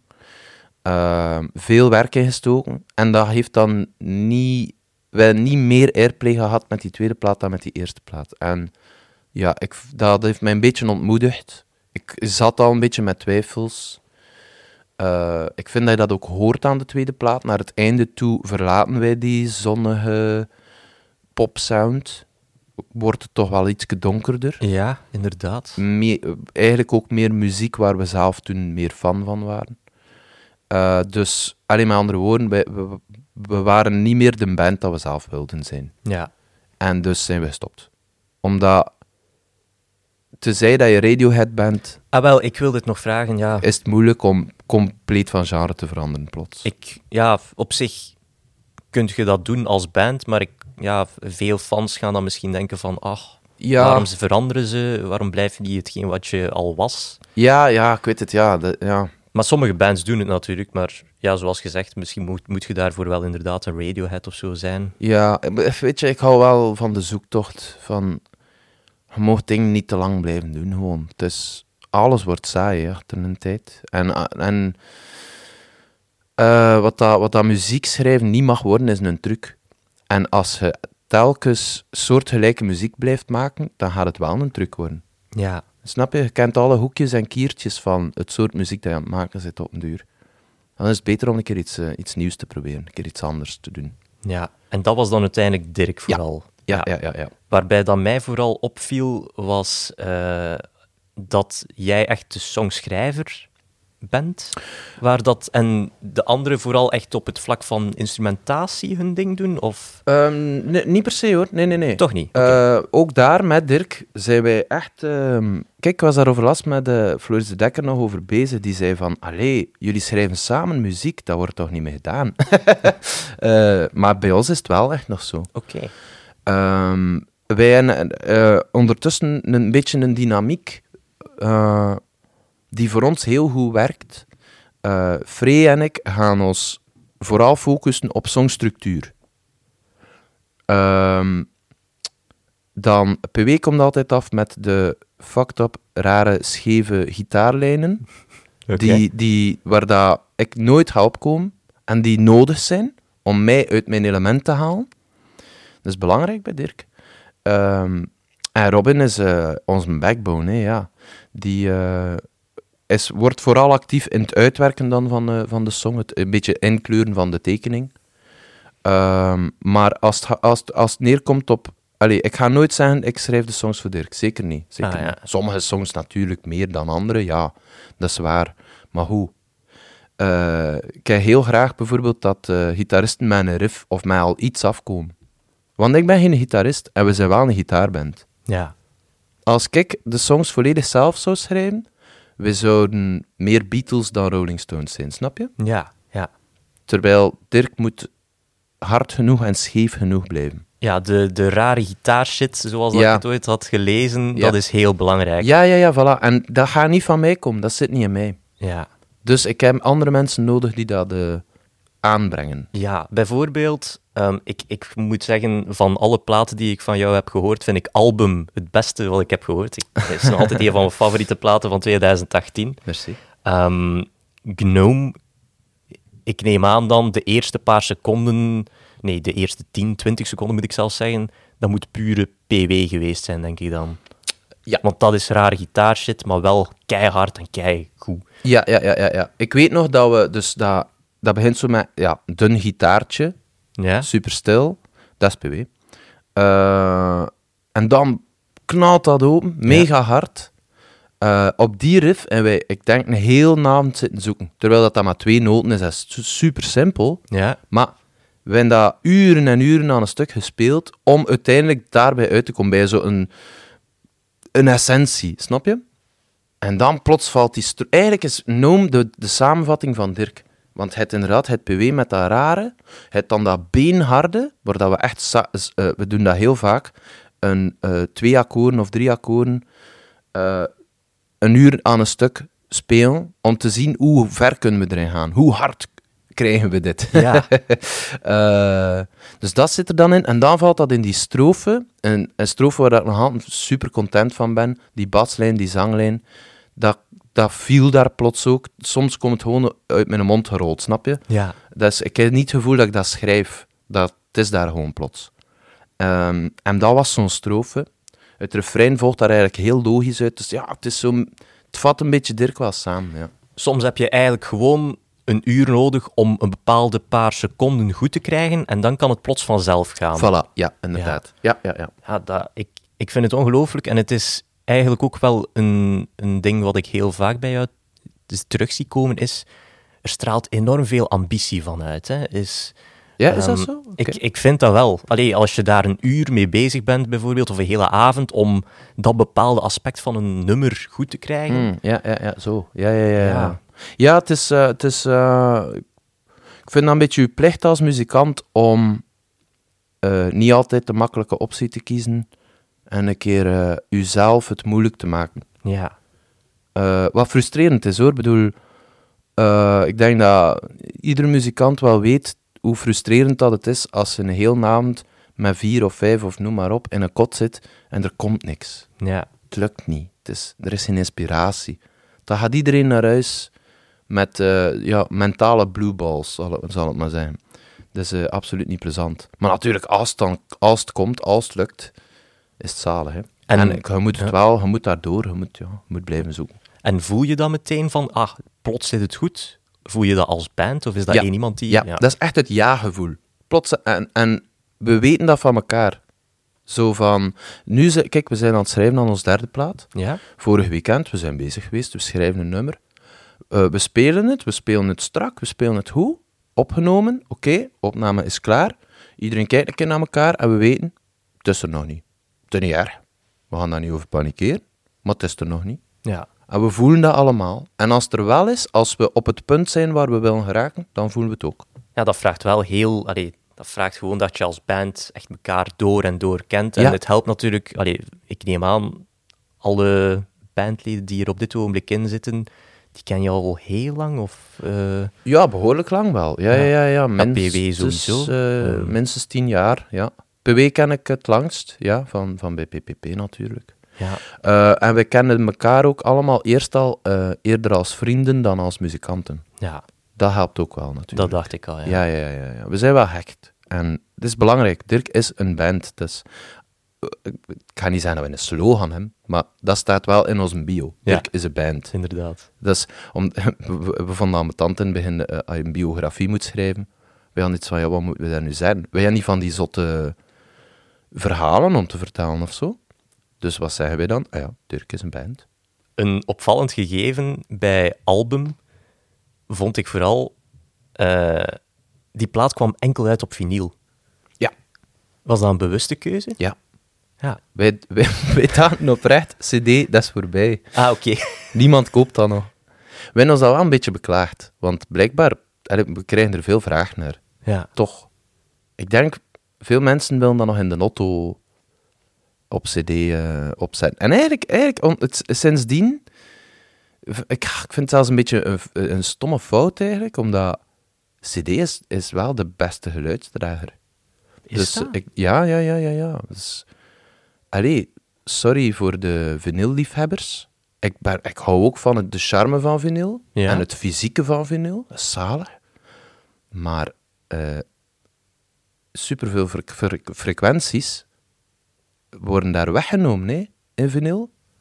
Oké, Dat ja. klinkt een stukje doffer, hè. Dan, eh, en op cd heb je al je frequenties. Er zijn mensen die dan ook zeggen, ja, dat is waar, maar het klinkt dan juist iets te digitaal, iets te clean, iets te proper. Ja. Pff, ik ga daar niet volledig mee akkoord. Het is, eh, ja, Vinyl, vinyl, ja, ik snap wel dat vinyl, dat wordt een beetje geromantiseerd. En dat, dat snap ik volledig, hoor. Maar eigenlijk is cd beter. Ja, ik had er zelf nog nooit echt eh, bij stilgestaan dat dat, dat dat echt beter klinkt. Allee, ik, ik, ja, ik ben ook gewoon iemand die op dit ogenblik vinyl heeft, zonder plaatspeler. Dus echt oordelen kan ik op dit ogenblik niet. Maar ehm, ja. ja, CD, echt. Ja, ik vind het wel opvallend dat er toch nog zo'n vraag is naar CD. Ja, ja, ja, ik ook. We hadden dat niet verwacht. We dachten oprecht, goede keuze, we gaan geen cd doen, maar we gaan dat toch niet verkopen. Ja. En ehm, kijk, nu dit jaar met de Record Store Day gaan wij album opnieuw releasen, want de vinyl is ook uitverkocht, je kunt hem nergens meer vinden. Dus we gaan een, een eh, limited edition doen. Eh, de hoes van het album die was roze en de plaat was zwart. Allee, de vinyl was zwart. Ja? Nu gaan we het omgekeerd doen. De hoes gaat zwart zijn en de plaat gaat roze zijn. Oh, fantastisch. Ja, en hij komt nu ook op CD uit. Dus, voilà. Alle fans gaan beloond worden voor hun ik- geduld. Ik ga, ik ga die onmiddellijk bestellen, denk ik. Ja. Nice, ja, dat is goed. Fantastisch. Oh ja, die wil ik zeker. Ja, ik ben ook echt een sucker voor colored vinyl. Dus ehm, Ah, ja, ja, ja, ja. ja. dat is ook zo'n ding, eh, ja... Ik kan daar niet van afblijven. Echt, elke, elke keer als ik ene bestel, is het wel een die een of andere kleur moet hebben. Op één uitzondering, want ja, in een bepaalde collectie moet er natuurlijk ook zwart aan bod komen. Maar sinds ik ene zwarte heb, is al de rest eh, in alle kleuren van de En het hele spectrum. Ja, absoluut. Zodat wanneer dat je ook een collectie hebt en mensen komen eens op bezoek, komen eens te gaan s- ja, snuisteren, dan wil ik gewoon zo het gevoel creëren van, oh, welke kleur gaat het deze keer zijn? Dus ja, zwart, dat terzijde. Ehm eh, ook bij Dirk eh, eh, zijn er ook bepaalde anekdotes aan bod gekomen via PW. Oh jee. Ehm, ik weet, ik, ik kan niet exact zeggen wanneer het precies was. Ik gok dat het ergens augustus 2019 moet zijn bij Dixie Pop. Oh, ja, Dixie Pop, shit, ja, ja, ja. ja. Wat? Ik, ik, verder heeft hij niks gezegd. Dus ik, weet, ik kan er niks bij voorstellen. Dat is het ehm, kutste optreden dat we ooit eh, gedaan hebben. Ah, oei. Maar pas op, toch hebben we er goede herinneringen aan. Oké. Ehm, omdat dat, dat heeft ons dichter bij elkaar gebracht. Ze waren daar heel vriendelijk toen dat we daartoe kwamen, maar dat was echt zo een, ja, een boerenfestival. Letterlijk, dus dat was in een weiland en overal lag stro. Ja. En ehm, ja, we moeten daar spelen in een tent. We hadden al redelijk rap door, er gaat er niet zoveel volk zijn. Dat bleek ook te kloppen. Ehm, en de mensen die er waren, ik denk dat er in heel die tent, toen dat wij begonnen te spelen, dat er een man of tien stond. En die kwamen helemaal vooraan aan het podium staan. Je zou denken, joepie, dat is tof. Ja. Maar wel met hun rug, rug naar het podium. Want Ah. Die waren gewoon aan het babbelen, gelijk dat ze op een receptie stonden. En dan vervolgens begonnen ze met hooi te smijten op onze pedalen. Die begon, kroop overal in. Alles begon kapot te geraken. Wel net iets van, what the fuck is deze? Dus wij hadden onze set zo rap mogelijk afgewerkt en gemaakt dat we daar weg waren. Ja. Ehm, en we hadden dat op voorhand al een beetje door, dus eh wij hadden ons dan eh, eh, in ro- roesmiddelen gesmeten om de pijn te verzachten. ik zal Eufemistisch woord Ja. om te beschrijven. Ja. Ehm, ja, ja, nee, nee, dat was al bij al een matige ervaring, maar eh, het heeft ons als band wel weer dichter gebracht. Wij hebben daar in de backstage dan allee, echt eh, eh, fijne gesprekken gehad en ja, je groeit naar elkaar toe op zo'n moment. Het is dat je samen afziet dat je... Ze zijn dat zo van de Rode Duivels. ze zijn een keer in Rusland moeten gaan spelen en die, die vliegen viel bijna uit elkaar. En het was ik weet niet hoeveel miserie. Dan is daar wel gaan winnen. En dat heeft die dat, dan is die een groep een groep. Allee, Ja. Bij ons was dat ook. Dat zijn van die momentjes. Je moet samen een keer afzien ook. Ehm, ja. Ja, ongelooflijk. Ja, gelukkig dat zoiets niet al te vaak, allee, of toch heel zelden voorvalt. Dat... Ja, ja, ja. ja je, moet natuurlijk, je moet dat altijd kaderen. In Nederland zijn we natuurlijk ook zo bekend niet. Ehm gespeeld op kleinere venues. Ja. Ehm, we spelen daar veel en we spelen daar graag. Eh, en dat is nu echt wel het enige optreden dat ik denk van, wow, dat was echt geen toffe. Voor de rest zijn optredens in Nederland eigenlijk de max. Oké. Echt waar. Heel vaak heb je daar een publiek dat van de eerste seconde compleet losgaat. Ah, wel, ik, ik zou ook denken inderdaad dat het Nederlandse publiek nog uitbundiger is dan de, laten we zeggen, soms heel wat Ja, ja, ja. brave... Wij zijn iets behoudender, eh, misschien. Ja, zeker, zeker eh, ja, als West-Vlaming, denk ik, mag ik dat zeggen. Eh, West-Vlaming zijn nog terst van al. Wij, wij, Ik schuldig. wij- ja, dat is zo. Wat dat wij doen is, eh, wij kruisen onze armen. Wij kijken naar dat podium met een blik van, ja, bewijs het maar, hè. overtuig mij. Ja. En als de set gedaan is, dan komen ze allemaal af voor te zeggen: Hey, het was met je goed. Het was met je max. Maar vind dat? Ga je nog eens spelen? Ja, nee. Toon een keer uw enthousiasme op het juiste moment. Ja, ja. Zijn de tijdens de show? ja. Zwat. Maar gelukkig heb je inderdaad dan ook die absolute topmomenten. En dat, ik begin nu te snappen waarom dat PW Dixie Pop meegaf. Want Ja. hetgeen wat hij erna meegaf was dan 12 juli 2019. Een legendarische dag, denk ik, voor jullie. Het optreden op Rockherk. Ja. Oh ja. Dat was blijkbaar, ja, Ja, één uit de duizend of zo. dat was waanzin. Echt waar. Het is, ik zou alle podia van Werchter en Pukkel en Lollapalooza, noem maar op, omruilen voor nog een keer daar spelen. Wat, wat, wat maakt dit zo speciaal? Wel, wij speelden op The Street. Dat is, ja, je kunt dat geen podium noemen, want dat is letterlijk op, op de asfalt. Oké. Eh, dat is zo in een hoek van het festival. En het publiek zit of staat eh, rondom rond u. Dus 360 graden. Oké. Dat op zich is al een cool Speciaal, gegeven. ja. Maar wij, we, zijn, we zijn nog niet begonnen aan onze set. Er staan er al gasten klaar, nummers te zingen van ons, dat wij dachten, what the fuck is er hier aan het gebeuren? Wij, wij hadden nog geen radiohit of niks gehad. Allee, nog niet eens... eh, allee, hier en daar al een keer gedraaid geweest, maar Airplay kon je het nog niet noemen. Ja. Eh, en toch, die kenden al iedere, ieder woord van buiten. Een soort fanclub, maar van mensen dat wij zelf niet kenden. Het was niet dat dat zo'n onkels en tantes en zo. Of eh, cafévrienden waren. Ja. Van, ja, ja. Dat was de eerste keer dat we dat meemaakten. We beginnen dat optreden. Ik denk na twee nummers waren alles pedalen al kapot. Omdat ze zodanig aan het moshpitten waren, rondom rond. Ah, overal. Eh, ik zag meer benen eh, in de lucht en mensen ondersteboven dan dat er gewoon op de grond stond. Ze vielen over eh, de monitors op mijn pedalen. Die waren gewoon al stuk achter twee, op, twee nummers. Ik kon al bijna niet meer spelen. Zij moeten security gaan bijhalen om mensen toch een beetje weg te duwen, zodat wij op zijn minst nog onze set konden afwerken. Ja. Eh, dat was... Je voelde dat. Er gebeurde daar iets. Dat was... Ja, een beetje magisch. Ik vond het echt een beetje magisch. Een ongelooflijk toffe plek. Ja, Dus, eh, ja. Ja, Kijk, ja, daar gaan we voor eeuwig bij blijven. Dus misschien wel het coolste optreden dat wij al gedaan hebben. Ja, ongelooflijk. En ja, uiteindelijk alles is stuk geraakt. Eh, is dat, hebben, hebben de organisatoren van Rockherk dat op een bepaalde manier nog weten goed te maken? Of was de euforie door het publiek al zodanig bevredigend dat je daar niet meer bij nadacht? Nee, wij, nee, nee, nee, nee, we waren zo blij dat we dat... eh Allee, uiteindelijk, eh, ik zeg kapot gemaakt, dat gaat dan eerder over dat de kabels eruit vliegen en dat er... Dat, ja, dat zijn allemaal effectbakjes, dat hangt allemaal aan elkaar gelinkt. En als er één kabeltje los zit, is heel de boel, ligt heel de boel plat. Ja. Dus dat is nogal fragiel.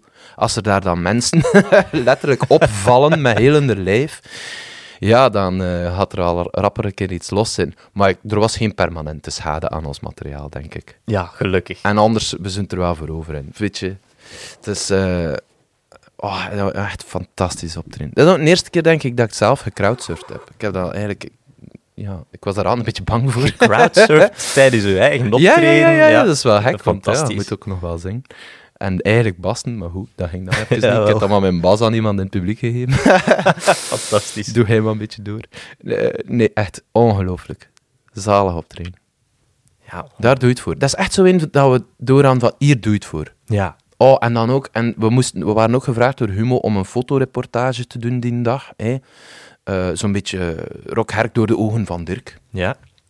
Dus eh, hebben we dan ook met alle muzikanten dat we tegenkwamen eh, op de foto geweest.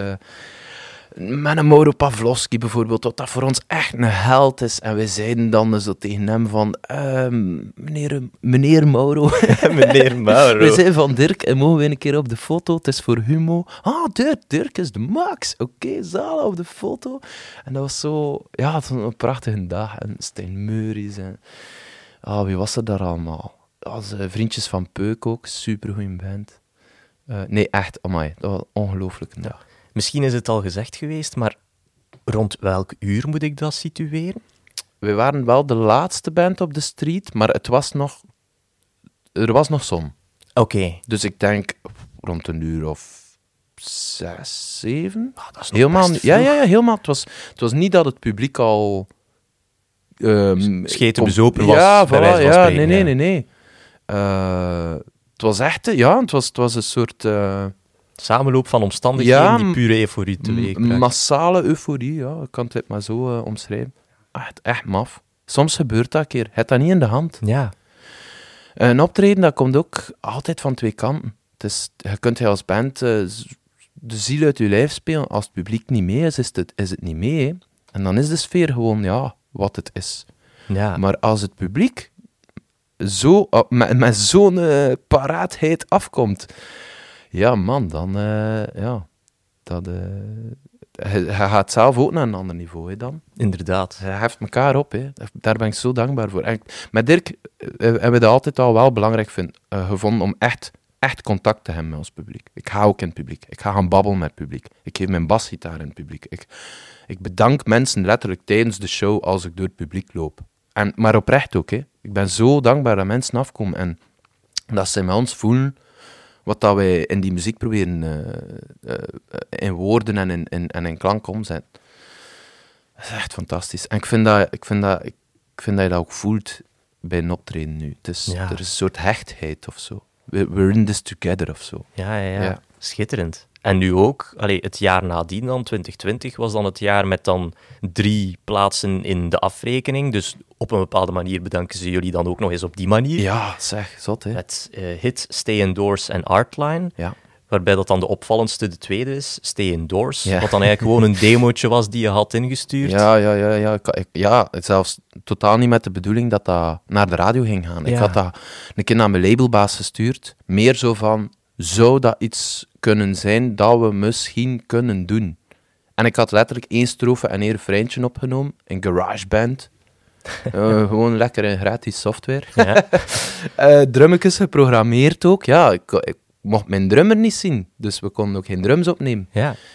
Eh, er zat ook geen bas in, dus dat is eigenlijk, het is eigenlijk een White Stripes nummer bijna.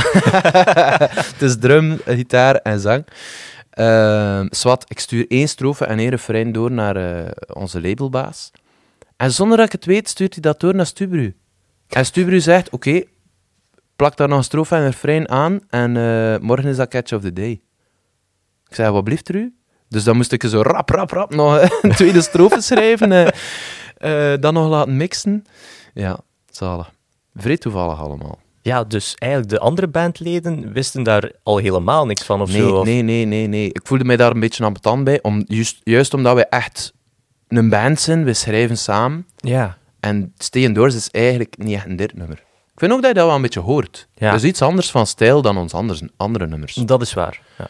Ehm, maar ja, in die periode eh, klopte dat. Was dat zo van, maar ja, tuurlijk, waarom doen we dat niet?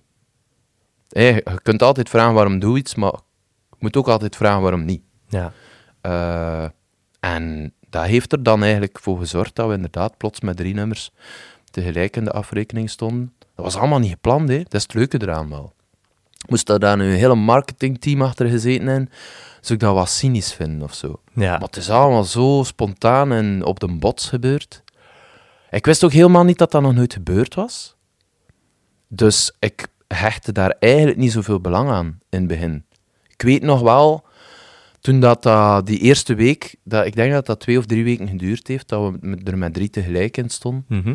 Ehm, en die eerste week inderdaad, net als de Kaluwe van Studio Brussel belt dan tijdens het programma zo van, hé, hey, het hoort het, staat met drie nummers eh, erin. En ik vond dat tof, maar ook niet veel meer dan dat. Dat was oké, ja, ça va. Maar bleek dat dat nog nooit gebeurd was. En Stubru heeft dat zelf, eh, heeft daar een heel ding van gemaakt. Ik kreeg plots bloemen thuis. allee, er was zo'n livestream-uitzending met Michel Cuvelier, die presenteerde. En ik, moest, ik heb dan een karaoke-versie van onze muziek gedaan. En zo, eh, met zo, voor zo'n uh, lelijke achtergrond. En ik echt like in de karaoke zo. Hè. Ja. Eh, met zo de lettertjes die meegaan in Comic Sans. Oh nee. Ja. Ja. En dan plots zei Michel, ja, loop een keer naar uw voordeur, eh, er staat daar iemand, hopla. En dan stond ze daar met drie bouquets bloemen, omdat we met drie nummers in de afrekening stonden. Dat was Ja. echt- die maakten daar een heel ding van. Ik wist helemaal niet dat dat zo, ja, zo, zo significant hè? was of zo, ja. Ja. Het, is het een nummer eigenlijk dat ooit live zal gespeeld worden? Of gaat dat echt gewoon een nummer zijn dat hoort binnen de coronaperiode en Ja. that's it? Ja, op dit moment hebben we echt iets van, dat, dat nummer hangt aan die periode vast. We willen dat die periode niet meer terugkomt, dus hoeft dat nummer ook niet meer terug te komen. Ja. Ondanks dat ik het een tof nummertje vind. eh, ik ben niet zo'n topical writer of zo. Die eh, schrijft over de hedendaagse maatschappij. Ehm, mm, en dat nummer is dat wel. Ja. Dat gaat wel letterlijk over mensen die wc-papieren eh, gaan hoorden en zo. Eh, dus dat was een keer een leuk zijsprongetje. Maar veel meer dan dat hoeft dat ook niet te zijn. En dan is er nu nog die tweede plaat natuurlijk, Cracks in Common Sense, Mhm. ehm, die opvallend veel beter geproduced was dan de eerste. Ja. Ehm, Terwijl dat ze in, in een nog kortere tijd is opgenomen. Oké, wacht. Hoe, hoe lang heeft het dan met de... In vergelijking met de eerste, hoe lang heeft die dan geduurd? Eh, de eerste plaat hebben wij opgenomen in vijf dagen en de tweede plaat in drie dagen. man, man, man. Ja, we zijn erdoor gevlogen. Hè. Dus, eh, en zelfs in die mate dat wij eigenlijk... We stonden buiten, hè, de studiodeur achter ons dichtgetrokken, en we keken naar elkaar van... Wat, wat, wat is er nu, nu eigenlijk gebeurd? Dat was het al. We- we- ja, wij wisten niet hoe... Hebben we nu een plaat opgenomen? Is dat nu af? Hebben we niet nog werk? Dat kan toch niet dat dat nu al... Het, wa- het, was, het was raar. Maar ja, we, we hebben dat opgenomen met Reinhard van Bergen. Fantastische gast. Ik ben er echt mega fan van. Ook als mens. Ehm, eh, en dat is in... Maar jongens toch, die werkt al een tempo. Ik heb dat nog nooit gezien. Dat is echt indrukwekkend. Dat is ook iets wat jullie niet in de hand hebben. Het is niet dat jullie kunnen zeggen van, ah, we willen er nog wat meer tijd over laten gaan, of... Jawel, jawel, jawel, dat kan zeker wel. Maar we zijn wel nogal... Het is een beetje een principe bij Dirk. Sta niet te lang bij dingen stil. Ja. Want anders word je zo... Met alle respect, hè, je hebt artiesten die op, op vijf jaar tijd één EP van vier nummers uitbrengen. Dat ze maar doen, hè. geen probleem. Wij zijn meer van het principe, kijk, een song is een song. Een keer dat, die, dat de ruwbouw er staat, eh, wij gaan... Oh ja, wij houden van de ruwbouw. Ja. Wij gaan het niet vernissen. Wij gaan niet te veel nog laagjes verf erover leggen en, en tierlantijntjes en versieringsjes. En, dat is niet onze stijl. Wij, wij werken liever een beetje door. Ja. We houden het een beetje ruw.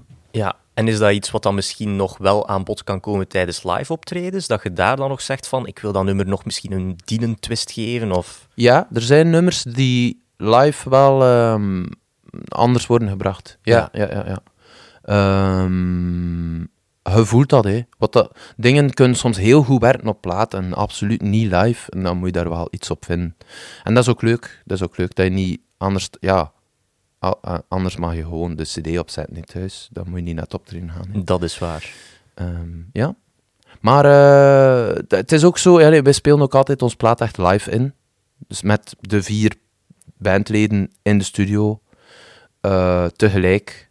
Als alles apart opneemt, ja, dan duurt het ook allemaal langer natuurlijk. Wat me daarbij ook wel opviel was, ja, daar staat dan Hit op, wat dan eigenlijk het eerste nummer was dat jullie hadden geschreven. Ja. Ehm, en wat, wat dan ook werd gezegd eh, door jou in, in een interview was, een hit schrijven is op zich makkelijk, maar het valt gewoon niet vaak voor.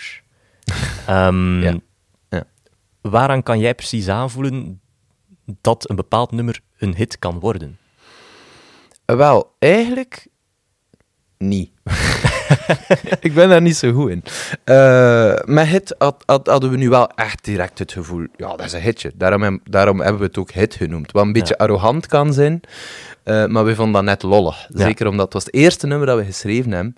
Wij hadden nog niks bereikt of zo, dus uh, op de radio komen, dat was helemaal nog niet iets waar wij over nadachten. Of, dat was geen optie. Ja. Dan vonden we dat gewoon leuk om, om ons nummer hit te noemen. Uh, en bij die voelden we wel direct, ja, dat kan, als wij ooit een hit gaan hebben, dan gaat het misschien wel die zijn. Bij andere nummers denk ik dat veel moeilijker, omdat ja, je zit daar te dicht op. Maar wat ik wel heb, is een knalsong. Dat komt gewoon plots. Alleen gebeurt dat niet aan een dag. Mm je kunt, uh, het is belangrijk dat je blijft schrijven, dat je actief blijft. Je mocht geen, geen, geen luie muzikant worden, die altijd alleen maar in zijn zetel zit te wachten op inspiratie. je moet... ik, ik vergelijk uh, hoe dat muziek voor mij werkt, muziek schrijven, hoe dat, dat voor mij werkt. Ik zie dat niet als schrijven. Ik zie dat, dat is like, vissen. En, en er is een rivier van inspiratie. Oké. Dus er is in mijn hoofd constant muziek aan het spelen. Snap? Muziek die nog niet bestaat. Dat is constant bezig. En ik moet mij aan die rivier gaan zetten en een lijntje uitsmijten en er, en er een song uit uh, vissen. Zo zie ik dat. Alright. Maar dus, je moet wel naar de rivier gaan. Snap je? Dat is, dat is een beetje uh, mijn proces. Als ik thuis nummers schrijf, dan is dat... Ik ken niet eens een instrument vast. Ik zit gewoon... Ik zet me meestal buiten op het terras. En ik luister naar de plaat in mijn hoofd die nog niet bestaat. En dan plots is het zo... Oh, ja, yes, ik heb het nummer, ik heb het, ik heb het vast. Dan moet ik het even opnemen. Ja. En dan, kan ik het, uh, dan kunnen we dat uitwerken. Dan kan, kunnen we de, het, het plaatje inkleuren. Maar het songschrijven zelf, ja. Uh, soms uh, heb je, ja, af en toe heb je het een keer voor. De song is daar gewoon, baf, plots, is klaar. Je hebt hem niet geschreven, die is daar al. Um, en bij Hit was dat, dat was wel zo in. Daar hebben we, dat, is heel, dat was heel snel klaar. Ja, ongelooflijk. En dan uiteindelijk toch maar zetten op die tweede LP van jullie. Ja, dat blijf ik ook wel iets speciaal vinden. Ja, dat was een beetje tactisch.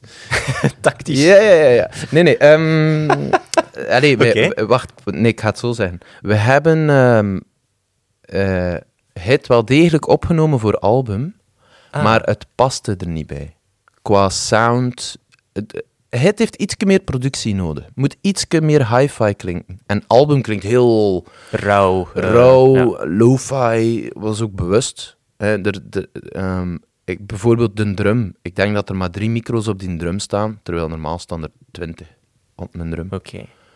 Al de rest is room mic. Dus gewoon echt letterlijk micro's die ergens aan het plafond hingen. Uh, en die heel de kamer opnemen. En daarom, je hoort dat ook. Je hoort de kamer waarin dat die plaat is opgenomen. Klopt. Wij zijn daar wel fan van, van zo'n sound. Dus een beetje de Steve Albini sound. Zo. Pixies hadden dat ook. Nirvana, ten tijde van In Utero, had dat ook heel hard. Um, we wilden zo'n sound en het werkte daar niet echt bij. Dus uh, dachten we, weet je wat, dan zetten we het gewoon nog niet op deze plaat. Want we voelen, dat kan effectief een hit worden. Dus moeten we hem ook op het juiste moment uitbrengen. en bij de tweede plaat uh, ja, hadden we wel iets van, nu is de tijd wel rijp. Ja. En was iedereen daar meteen mee eens om het zo te doen? Want... Ja, ja, ja, ja, ja, ja, En er, er, is daar geen... Ik, ik snap waarom hij die vraag stelt, want ik kan me inbeelden dat een labelbaas of zo um, zou zijn van, maar nee, ook, ik wil nu een hit. ik, wil niet, ja. ik wil niet binnen twee jaar een hit, ik wil nu een hit. Wij hebben wel de weg van het geduld gekozen, dat is waar. Um, maar dat is um, ook omdat... Hoe moet zeggen? Ik vind succes moet een bijproduct zijn. Je mag niet mikken op succes. Je moet mikken op goede muziek maken. En succes is een bijproduct ervan. Ja. Als je op die manier eh, met die mindset muziek maakt, dan is het helemaal niet zo moeilijk om het even nog op te sparen. Want je zit overtuigd, hey, wanneer mijn album een plaat dat wij zelf mega goed vinden. Dus fuck die hit. Die komt wel. Je moet een beetje vertrouwen hebben op, uh, op, op uw andere muziek ook. Hè. Ja, ja, absoluut. Anders zou ik het uh, best niet uitbrengen, ah, denk ja, ik. Ja, ja, ja, het is dat. Ja. Zoals je ook al zei, um, er komt een derde plaat aan. Of die is in de maak, zal ik maar zeggen. Ja, ja, ja. Um, wat ik daarbij ook nog had gelezen was um, dat je ook bezig bent met een Nederlandstalige plaat. Of ben ik daar verkeerd? Ja, ja, ja. Ik moet zeggen, ik ben, ben met, met een aantal dingen bezig naast eh, Dirk. Allemaal nog in de, in de schaduw. Hè. Ja, Ik weet zelfs niet wat gaat er wanneer uitkomen. Gaat het zelfs uitkomen? Ja, dat is allemaal nog niet aan de orde. Ehm, ik ben inderdaad, toen dat mijn mama overleden was, ondertussen eh, vier jaar geleden, eh, ben ik daarover beginnen schrijven. Bij wijze van een beetje ja, verwerkingsproces. Als je het in woorden kunt vatten, dan kan je het makkelijker naast je neerleggen. Is een beetje het idee. Ehm, maar het probleem is, ik ben zo een halve plaat ver geraakt. En dan stokte de inspiratie plots. Drie, vier keer was droog. ja. en nu weet ik niet goed wat ik daarmee moet doen. Ik zit daar nu met een halve plaat. Tja, ik kan dat uitbrengen als EP. EP, ja. Dat kan. Ik weet, ik weet het niet goed. Ik weet niet zo goed wat ik ermee moet doen. Ehm, zo, sowieso denk ik, eh allee, is nu niet het moment. eh, ik wil eerst de derde plaat van Dirk hebben. Ehm, en dan gaan we wel, dat hebben we wel al gezegd onder elkaar, een keer eh, een, een periode nemen dat elk een keer zijn eigen hoesting mag doen. Oké. Ja. Echt solo-projectjes, Ja, tijd. Ja, bij mij ligt er wel het een en het ander klaar. En ik wil dat wel ooit een keer aan de wereld tonen. Oké. Maar niet voordat die derde Dirkplaat er komt. Hm. Dat is de- gewoon, ja. Anders eh zijn te veel verhalen te tegelijk aan het vertellen. Ja. Maar als ik het zo hoor, de andere bandleden hebben ook wel interesse om zelf nog iets eh, te gaan uitbrengen. Of zijn daar misschien mee bezig? Of... Ik weet dat, eh, ik weet dat niet zo goed, eerlijk gezegd. De- Ja. Het is niet dat we het daar vaak over hebben. Ja. Ehm, ik weet dat Free wel met wat projectjes bezig is ook. Maar ik kan, ik kan niet goed inschatten waar dat, dat staat of eh, hoe concreet dat, dat is. Ehm, Robin, eh, onze drummer, eh, die drumt ook bij de Compact Dummies, dus daar heeft hij ook wel voldoende werk mee. Ehm, ik heb hem ook al gevraagd voor mijn solo, allee, Ah, de ja, mogelijke soloplaat die dan komt, wil ik hem er zeker ook bij. Zwart, maar ja, dat is allemaal... Dat gaat nog niet voor volgend jaar zijn. Toekomstmuziek. Ja, ja, we ja, zullen wel zien wat dat geeft. Voilà, voilà.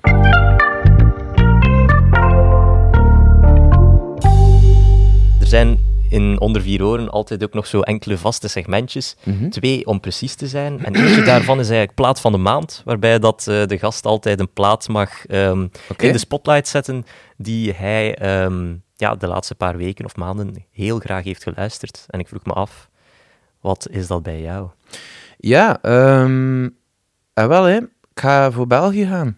Stromae? Nee? Charlotte Digeri. Yes, Ah, echt waar. ik heb hem nog niet gehoord, maar ik wil die enorm graag horen. Ik Ah, hoor heel veel goede kritieken. ja. Ben, ben er... ehm, het is... eh, eh, hoe moet je dat zeggen? Eh, het is maar eh, zo een paar keer per jaar dat je een plaat hebt dat je meteen hooked zit. Dat je echt aan vasthangt. Oké. En die, dat is zo'n plaat. Het is ehm, ontzettend eh, geïnspireerd. Eh, ik word de hele tijd verrast. Ik zit de hele tijd te lachen, te giechelen. Het is een heel grappige plaat, echt waar. Er zit superveel humor in. Heel, heel slimme humor. Ontzettend eh, scherp. Ehm, en en, en, en er zit heel veel inhoud in die plaat. Dat is, niet, dat is geen gewone... Allee, is geen gewone dansplaat. Het is, het is, er wordt daar iets verteld. Ja. Ehm, Charlotte, eh, ja, het gaat, het gaat wel, ja, het gaat over racisme, het gaat over, eh, ehm, oh, er- het laatste nummer, Thank You. Ik heb me dat kapot meegelaten. Het was herkenbaar ook. Eh, het is zo heel staan, thank you. Ze spreekt mensen eigenlijk, ze bedankt mensen die haar de hele tijd commentaar geven. Zo, dank Ja. u dat hij uw mening met mij wilt delen. Merci. Het is waar, ik vind mijn eerste EP ook beter. Zo, snap je? ze, ze, ze, ze lacht eigenlijk met die, die een onweerstaanbare drang van veel mensen om de gedachten te komen zeggen over hetgeen dat hij maakt. Ja, ja, ja. En dat is wel herkenbaar. Ik moet ook wel af en toe een keer eh, dingen horen dat ik denk, ja, hoe, wat ben, wat ben ik nu met Ja. deze informatie? eh Allee, ja, ik ben blij dat hij onze eerste plaat de beste vond. Ah, ja, bijvoorbeeld, zoals dat ik net heb gedaan. Allee, ik wil, ik wil niet... Allee, het is echt geen, eh, geen kritiek of zo, hè. Tuurlijk niet. eh. Ja, iedereen mag daarvan vinden wat hij wil. Maar natuurlijk is het is soms grappig als je ergens gewoon op je gemak niet in uw hoedanigheid van muzikant. Ja. En dat er dan iemand dus een, een half uur moet komen zijn mening zeggen over hetgeen dat hij maakt. Eh, ja, soms is dat een keer vermoeiend. En dat nummer, Thank You, gaat daarover. Maar dan, ja, super mega vette dans heeft ook nog een keer. Echt, ik vond het fantastisch. Dus, ja, ik, eh, en ik ben blij ook dat ik kan een Belgische plaat kiezen. ik moet eerlijk zijn dat ik nu niet zo heel vaak Belgisch luister. Ah, is zo? Oké. Ja, ik weet niet hoe dat, dat komt. Ehm, Ik, kan Ik- ja. Mag ik proberen Ja, inschatten ja, wat dat jij luistert? Allee, afgaande op wat ik dan zo hoor, is Nirvana een hele belangrijke geweest. Dus de Strokes, eh, Frans Ferdinand, die coté. Maar kan het kloppen dat, dat jij ook iemand bent die bijvoorbeeld heel graag luistert naar, en dan hoop ik dat dat echt klopt, Car Seat Headrest? Ja, Mijn ja, all-time ja. favorite band, moet ik wel zeggen. waar? Ja, absoluut. Ja, absoluut. Band. Ja, ik vind uh, Fill in the Blanks is een meesterwerk. Ehm allee, Teens of Denial bedoel ik, sorry. Ja. Ehm, Zo die coté van rock, zo ja, progressieve kant met dan een stem waar dat de hoek van af is, als het ware. ja, ja, ja, ja, bands als eh, Car Seat Headrest, Cloud Nothings, Ja, Proto Martyr. Dat zijn bands waar wij als, met heel Dirk ook mega fan van zijn. Ja. Ik moet eerlijk zijn, de, de af, het afgelopen jaar, misschien zelfs twee jaar, heb ik eh, niet zoveel rock meer geluisterd. Ja, Ik, eh, ik ben nogal een softie aan het worden eigenlijk. Heel veel Neil Young, heel veel eh, mensen als. ehm, pff, ja, pak een keer Sharon Van Etten en. eh, Andy Schauf. ehm, dat soort artiesten. Heel. ja, van die, van die. Ik noem dat zondag voormiddagmuziek. ja. Hè? De zon komt op. Op gemak. Niet veel te doen, potje koffie, zalig in de zetel, het lezen, rustig muziekje met zo van die zachte koekendozen, drummetjes zo.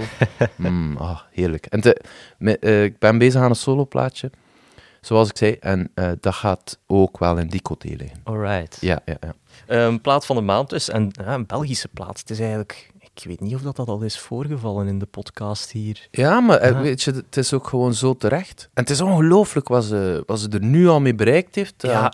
Best nu music op Pitchfork. Pitchfork. Holy shit. De Needle Drop heeft Needle daar Drop, gereviewd. 8 op 10. Holy moly. Zeg, dat is, dat is echt straf. Hè. Allee, bedoel, eh, ik denk niet dat dat aan een Belg is overkomen. Zeg. Nee, nee ik, ik, werd zodanig enthousiast toen dat ik de thumbnail van Anthony Fantano zag met zijn, ja, wat is daar, eh hem, geel ja, hemdje, het hemdje, nee. Ja, eh, ja, ja. ruitjes. Ja, dan weet je van, oké, dit zit goed. ja. Ehm, ja, en dan om... Ik, weet, ik heb zelf de video nog niet bekeken, maar ik weet wel dat de Needle Drop op dat ogenblik ook Solwax heeft vernoemd, aangezien dat zij Ah, mee ja, aan de productie ja, ja, zaten, dacht ik. Ja, ja, dat hoor je ook wel. Ja? Je hoort, eh, als uit de DW-stal komt, hoor je dat dat daaruit komt. Ik vind dat... Dat is mooi, die een soort eh, auditieve brand of zo. Ja. Dat vind ik wel cool.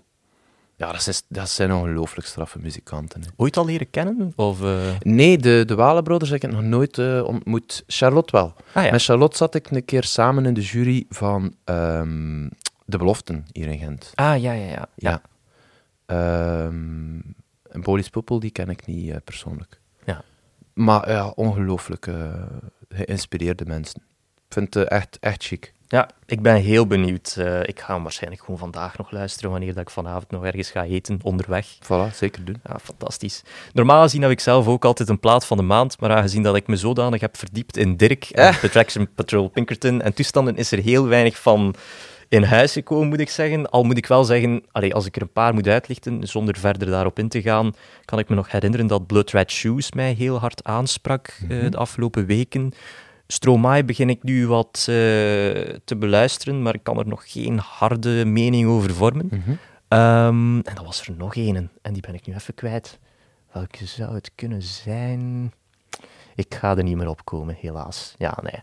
Ik, doe weer, ik zit veel bij de nieuwe Beach House te luisteren. Die een, het is een groeiplaat. Ja, Eh, ze wordt iedere keer beter. oké. En ehm Hooray for the Riff Raff heeft ook een heel goede nieuwe plaat. Dat is een Puerto Ricaanse. Supergoed, echt waar. En dan het laatste segmentje nog, eh, zijn altijd gewoon interessante releases die ik meegeef eh, van de komende weken.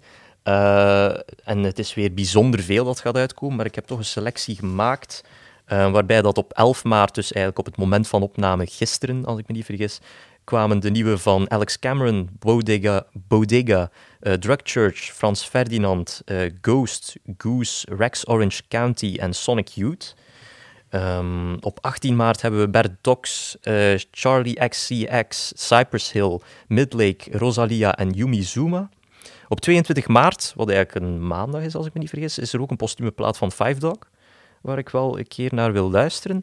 En dan op 25 maart, dat is, een, ja, dat is wel echt de dag, uh, met nog Aldous Harding, Barry, of Barry, geen idee, uh, Camp Cope, Destroyer, Fucked Up, Ibibio Sound Machine, Machine, Machine Gun Kelly, Maren Morris, Placebo, Seagirls en ook iets Belgisch, Selassou. En dan nog op 1 april hebben we ook nogal, uh, hebben we ook nogal uh, platen van Meshuggah, Pup, Red Hot Chili Peppers en Warmdoucher onder meer. Onder meer moet ik daar zeker bij vermelden. Um, zijn er in jouw geval nog platen die je zeker wil horen de komende weken of maanden? Ik uh, moet zeggen, ik vind ongelooflijk hoeveel dat er uitkomt en hoeveel goede dingen dat er uitkomen dit jaar. Dus uh, ik ben nog aan het, uh, alles aan het inhalen van de afgelopen maanden. Ja. Het is echt, het is heel veel. Big Thief, Big weer Thief. een straffe plaat, dat stopt maar niet. Big Thief, ik was die vergeten. Dat was de plaats. Ja, echt? Ja, kijk, ja, ja, ja. Het is ik, weer super... Uh, ik heb ja. gehuild toen dat ik Change voor de eerste keer hoorde. Ja? Dat was op het juiste moment. Ik zat, ik zat gewoon aan mijn pc, de zon scheen. Ik had eigenlijk een hele week gewerkt, nog geen tijd gehad voor enige ontspanning. En plots zat ik daar en ja, het plaatje klopt op een bepaalde manier. Een, een, een, een zekere rust dat over mij neerdaalde. Ja. En dat mij zodanig emotioneel maakte. Maar sowieso de stem van Adrian Lenker maakt mij heel er, emotioneel. Er is iets aan haar stem dat ik recht naar het, het, kern, de, de, het middelpuntje van uw ziel gaat. Dat is Ja. echt, dat is ongelooflijk. Echt, ik heb haar... Het was, was het het laatste optreden dat ik zag voor de eerste lockdown? Ik denk het wel. Um, ik heb haar toen gezien in de AB. En op een bepaald ogenblik bracht ze een, um, een akoestische versie van Orange, als ik me niet vergis. Dat was kiekenvel, echt. Dat was, ja, tranen gelaten dat het geen naam had. En op het einde van dat nummer iedereen uit zijn dak. Ja. Zij wist niet waar te kijken, bedankte iedereen die daar ook maar uh, door het dolle heen was. Dat was een magisch moment. Ja. En ik ben heel blij dat er ook nog een videoversie van bestaat. Die kijk ik nog van tijd zo? tot tijd Ah, ja, super. terug, om toch nog een keer een traantje weg te pinken. ja, fantastisch. Um, maar daarmee uh, wil ik deze podcast heel graag afsluiten. Um, Jelle, een hele dikke merci nogmaals dat je hier wilde zijn. Heel graag gedaan. Het was uh, een heel fijne babbel, vond ik. Ik hoop voor u ook. Ja, zeker, zeker. Um, het was uh, soms confronterend voor mezelf, van, ah ja, juist, dat is ook nog gebeurd, ja. ja, ik kan me voorstellen, als je zoveel natuurlijk toert en dingen beleeft, op zoveel verschillende plaatsen, dat het soms uh, niet makkelijk is om, om alles bij te houden. ja. Ik, vond, ik vond dit alleszins een hele mooie samenvatting, Ja. laat ik het daarbij uh, Ja, houden. absoluut. Dus ja, heel erg merci. Um, verder wil ik nog zeggen aan de luisteraar dat Onder Vier Oren uiteraard op ieder podcastplatform te vinden is die je maar kunt inbeelden. De Facebookpagina, die is er ook. Um, die probeer ik ietsje meer te onderhouden dan vroeger. Vroeger was dat gewoon een plek waar dat echt puur de afleveringen op terecht kwamen. We gaan daar toch een beetje verandering in brengen. En uh, voorts wil ik u natuurlijk uh, bedanken, luisteraar. Heel erg bedankt uh, dat je nog eens de volledige rit hebt gedaan. En volgende maand zijn we dan weer terug hè, voor een nieuwe aflevering. Geen idee met wie, maar het zou wel eens iemand kunnen zijn. Althans, nee, ik moet het anders zeggen. Ik hoop dat het iemand is die um, te maken heeft met de AB. Um, een dikke merci en graag tot de volgende keer. Salutjes.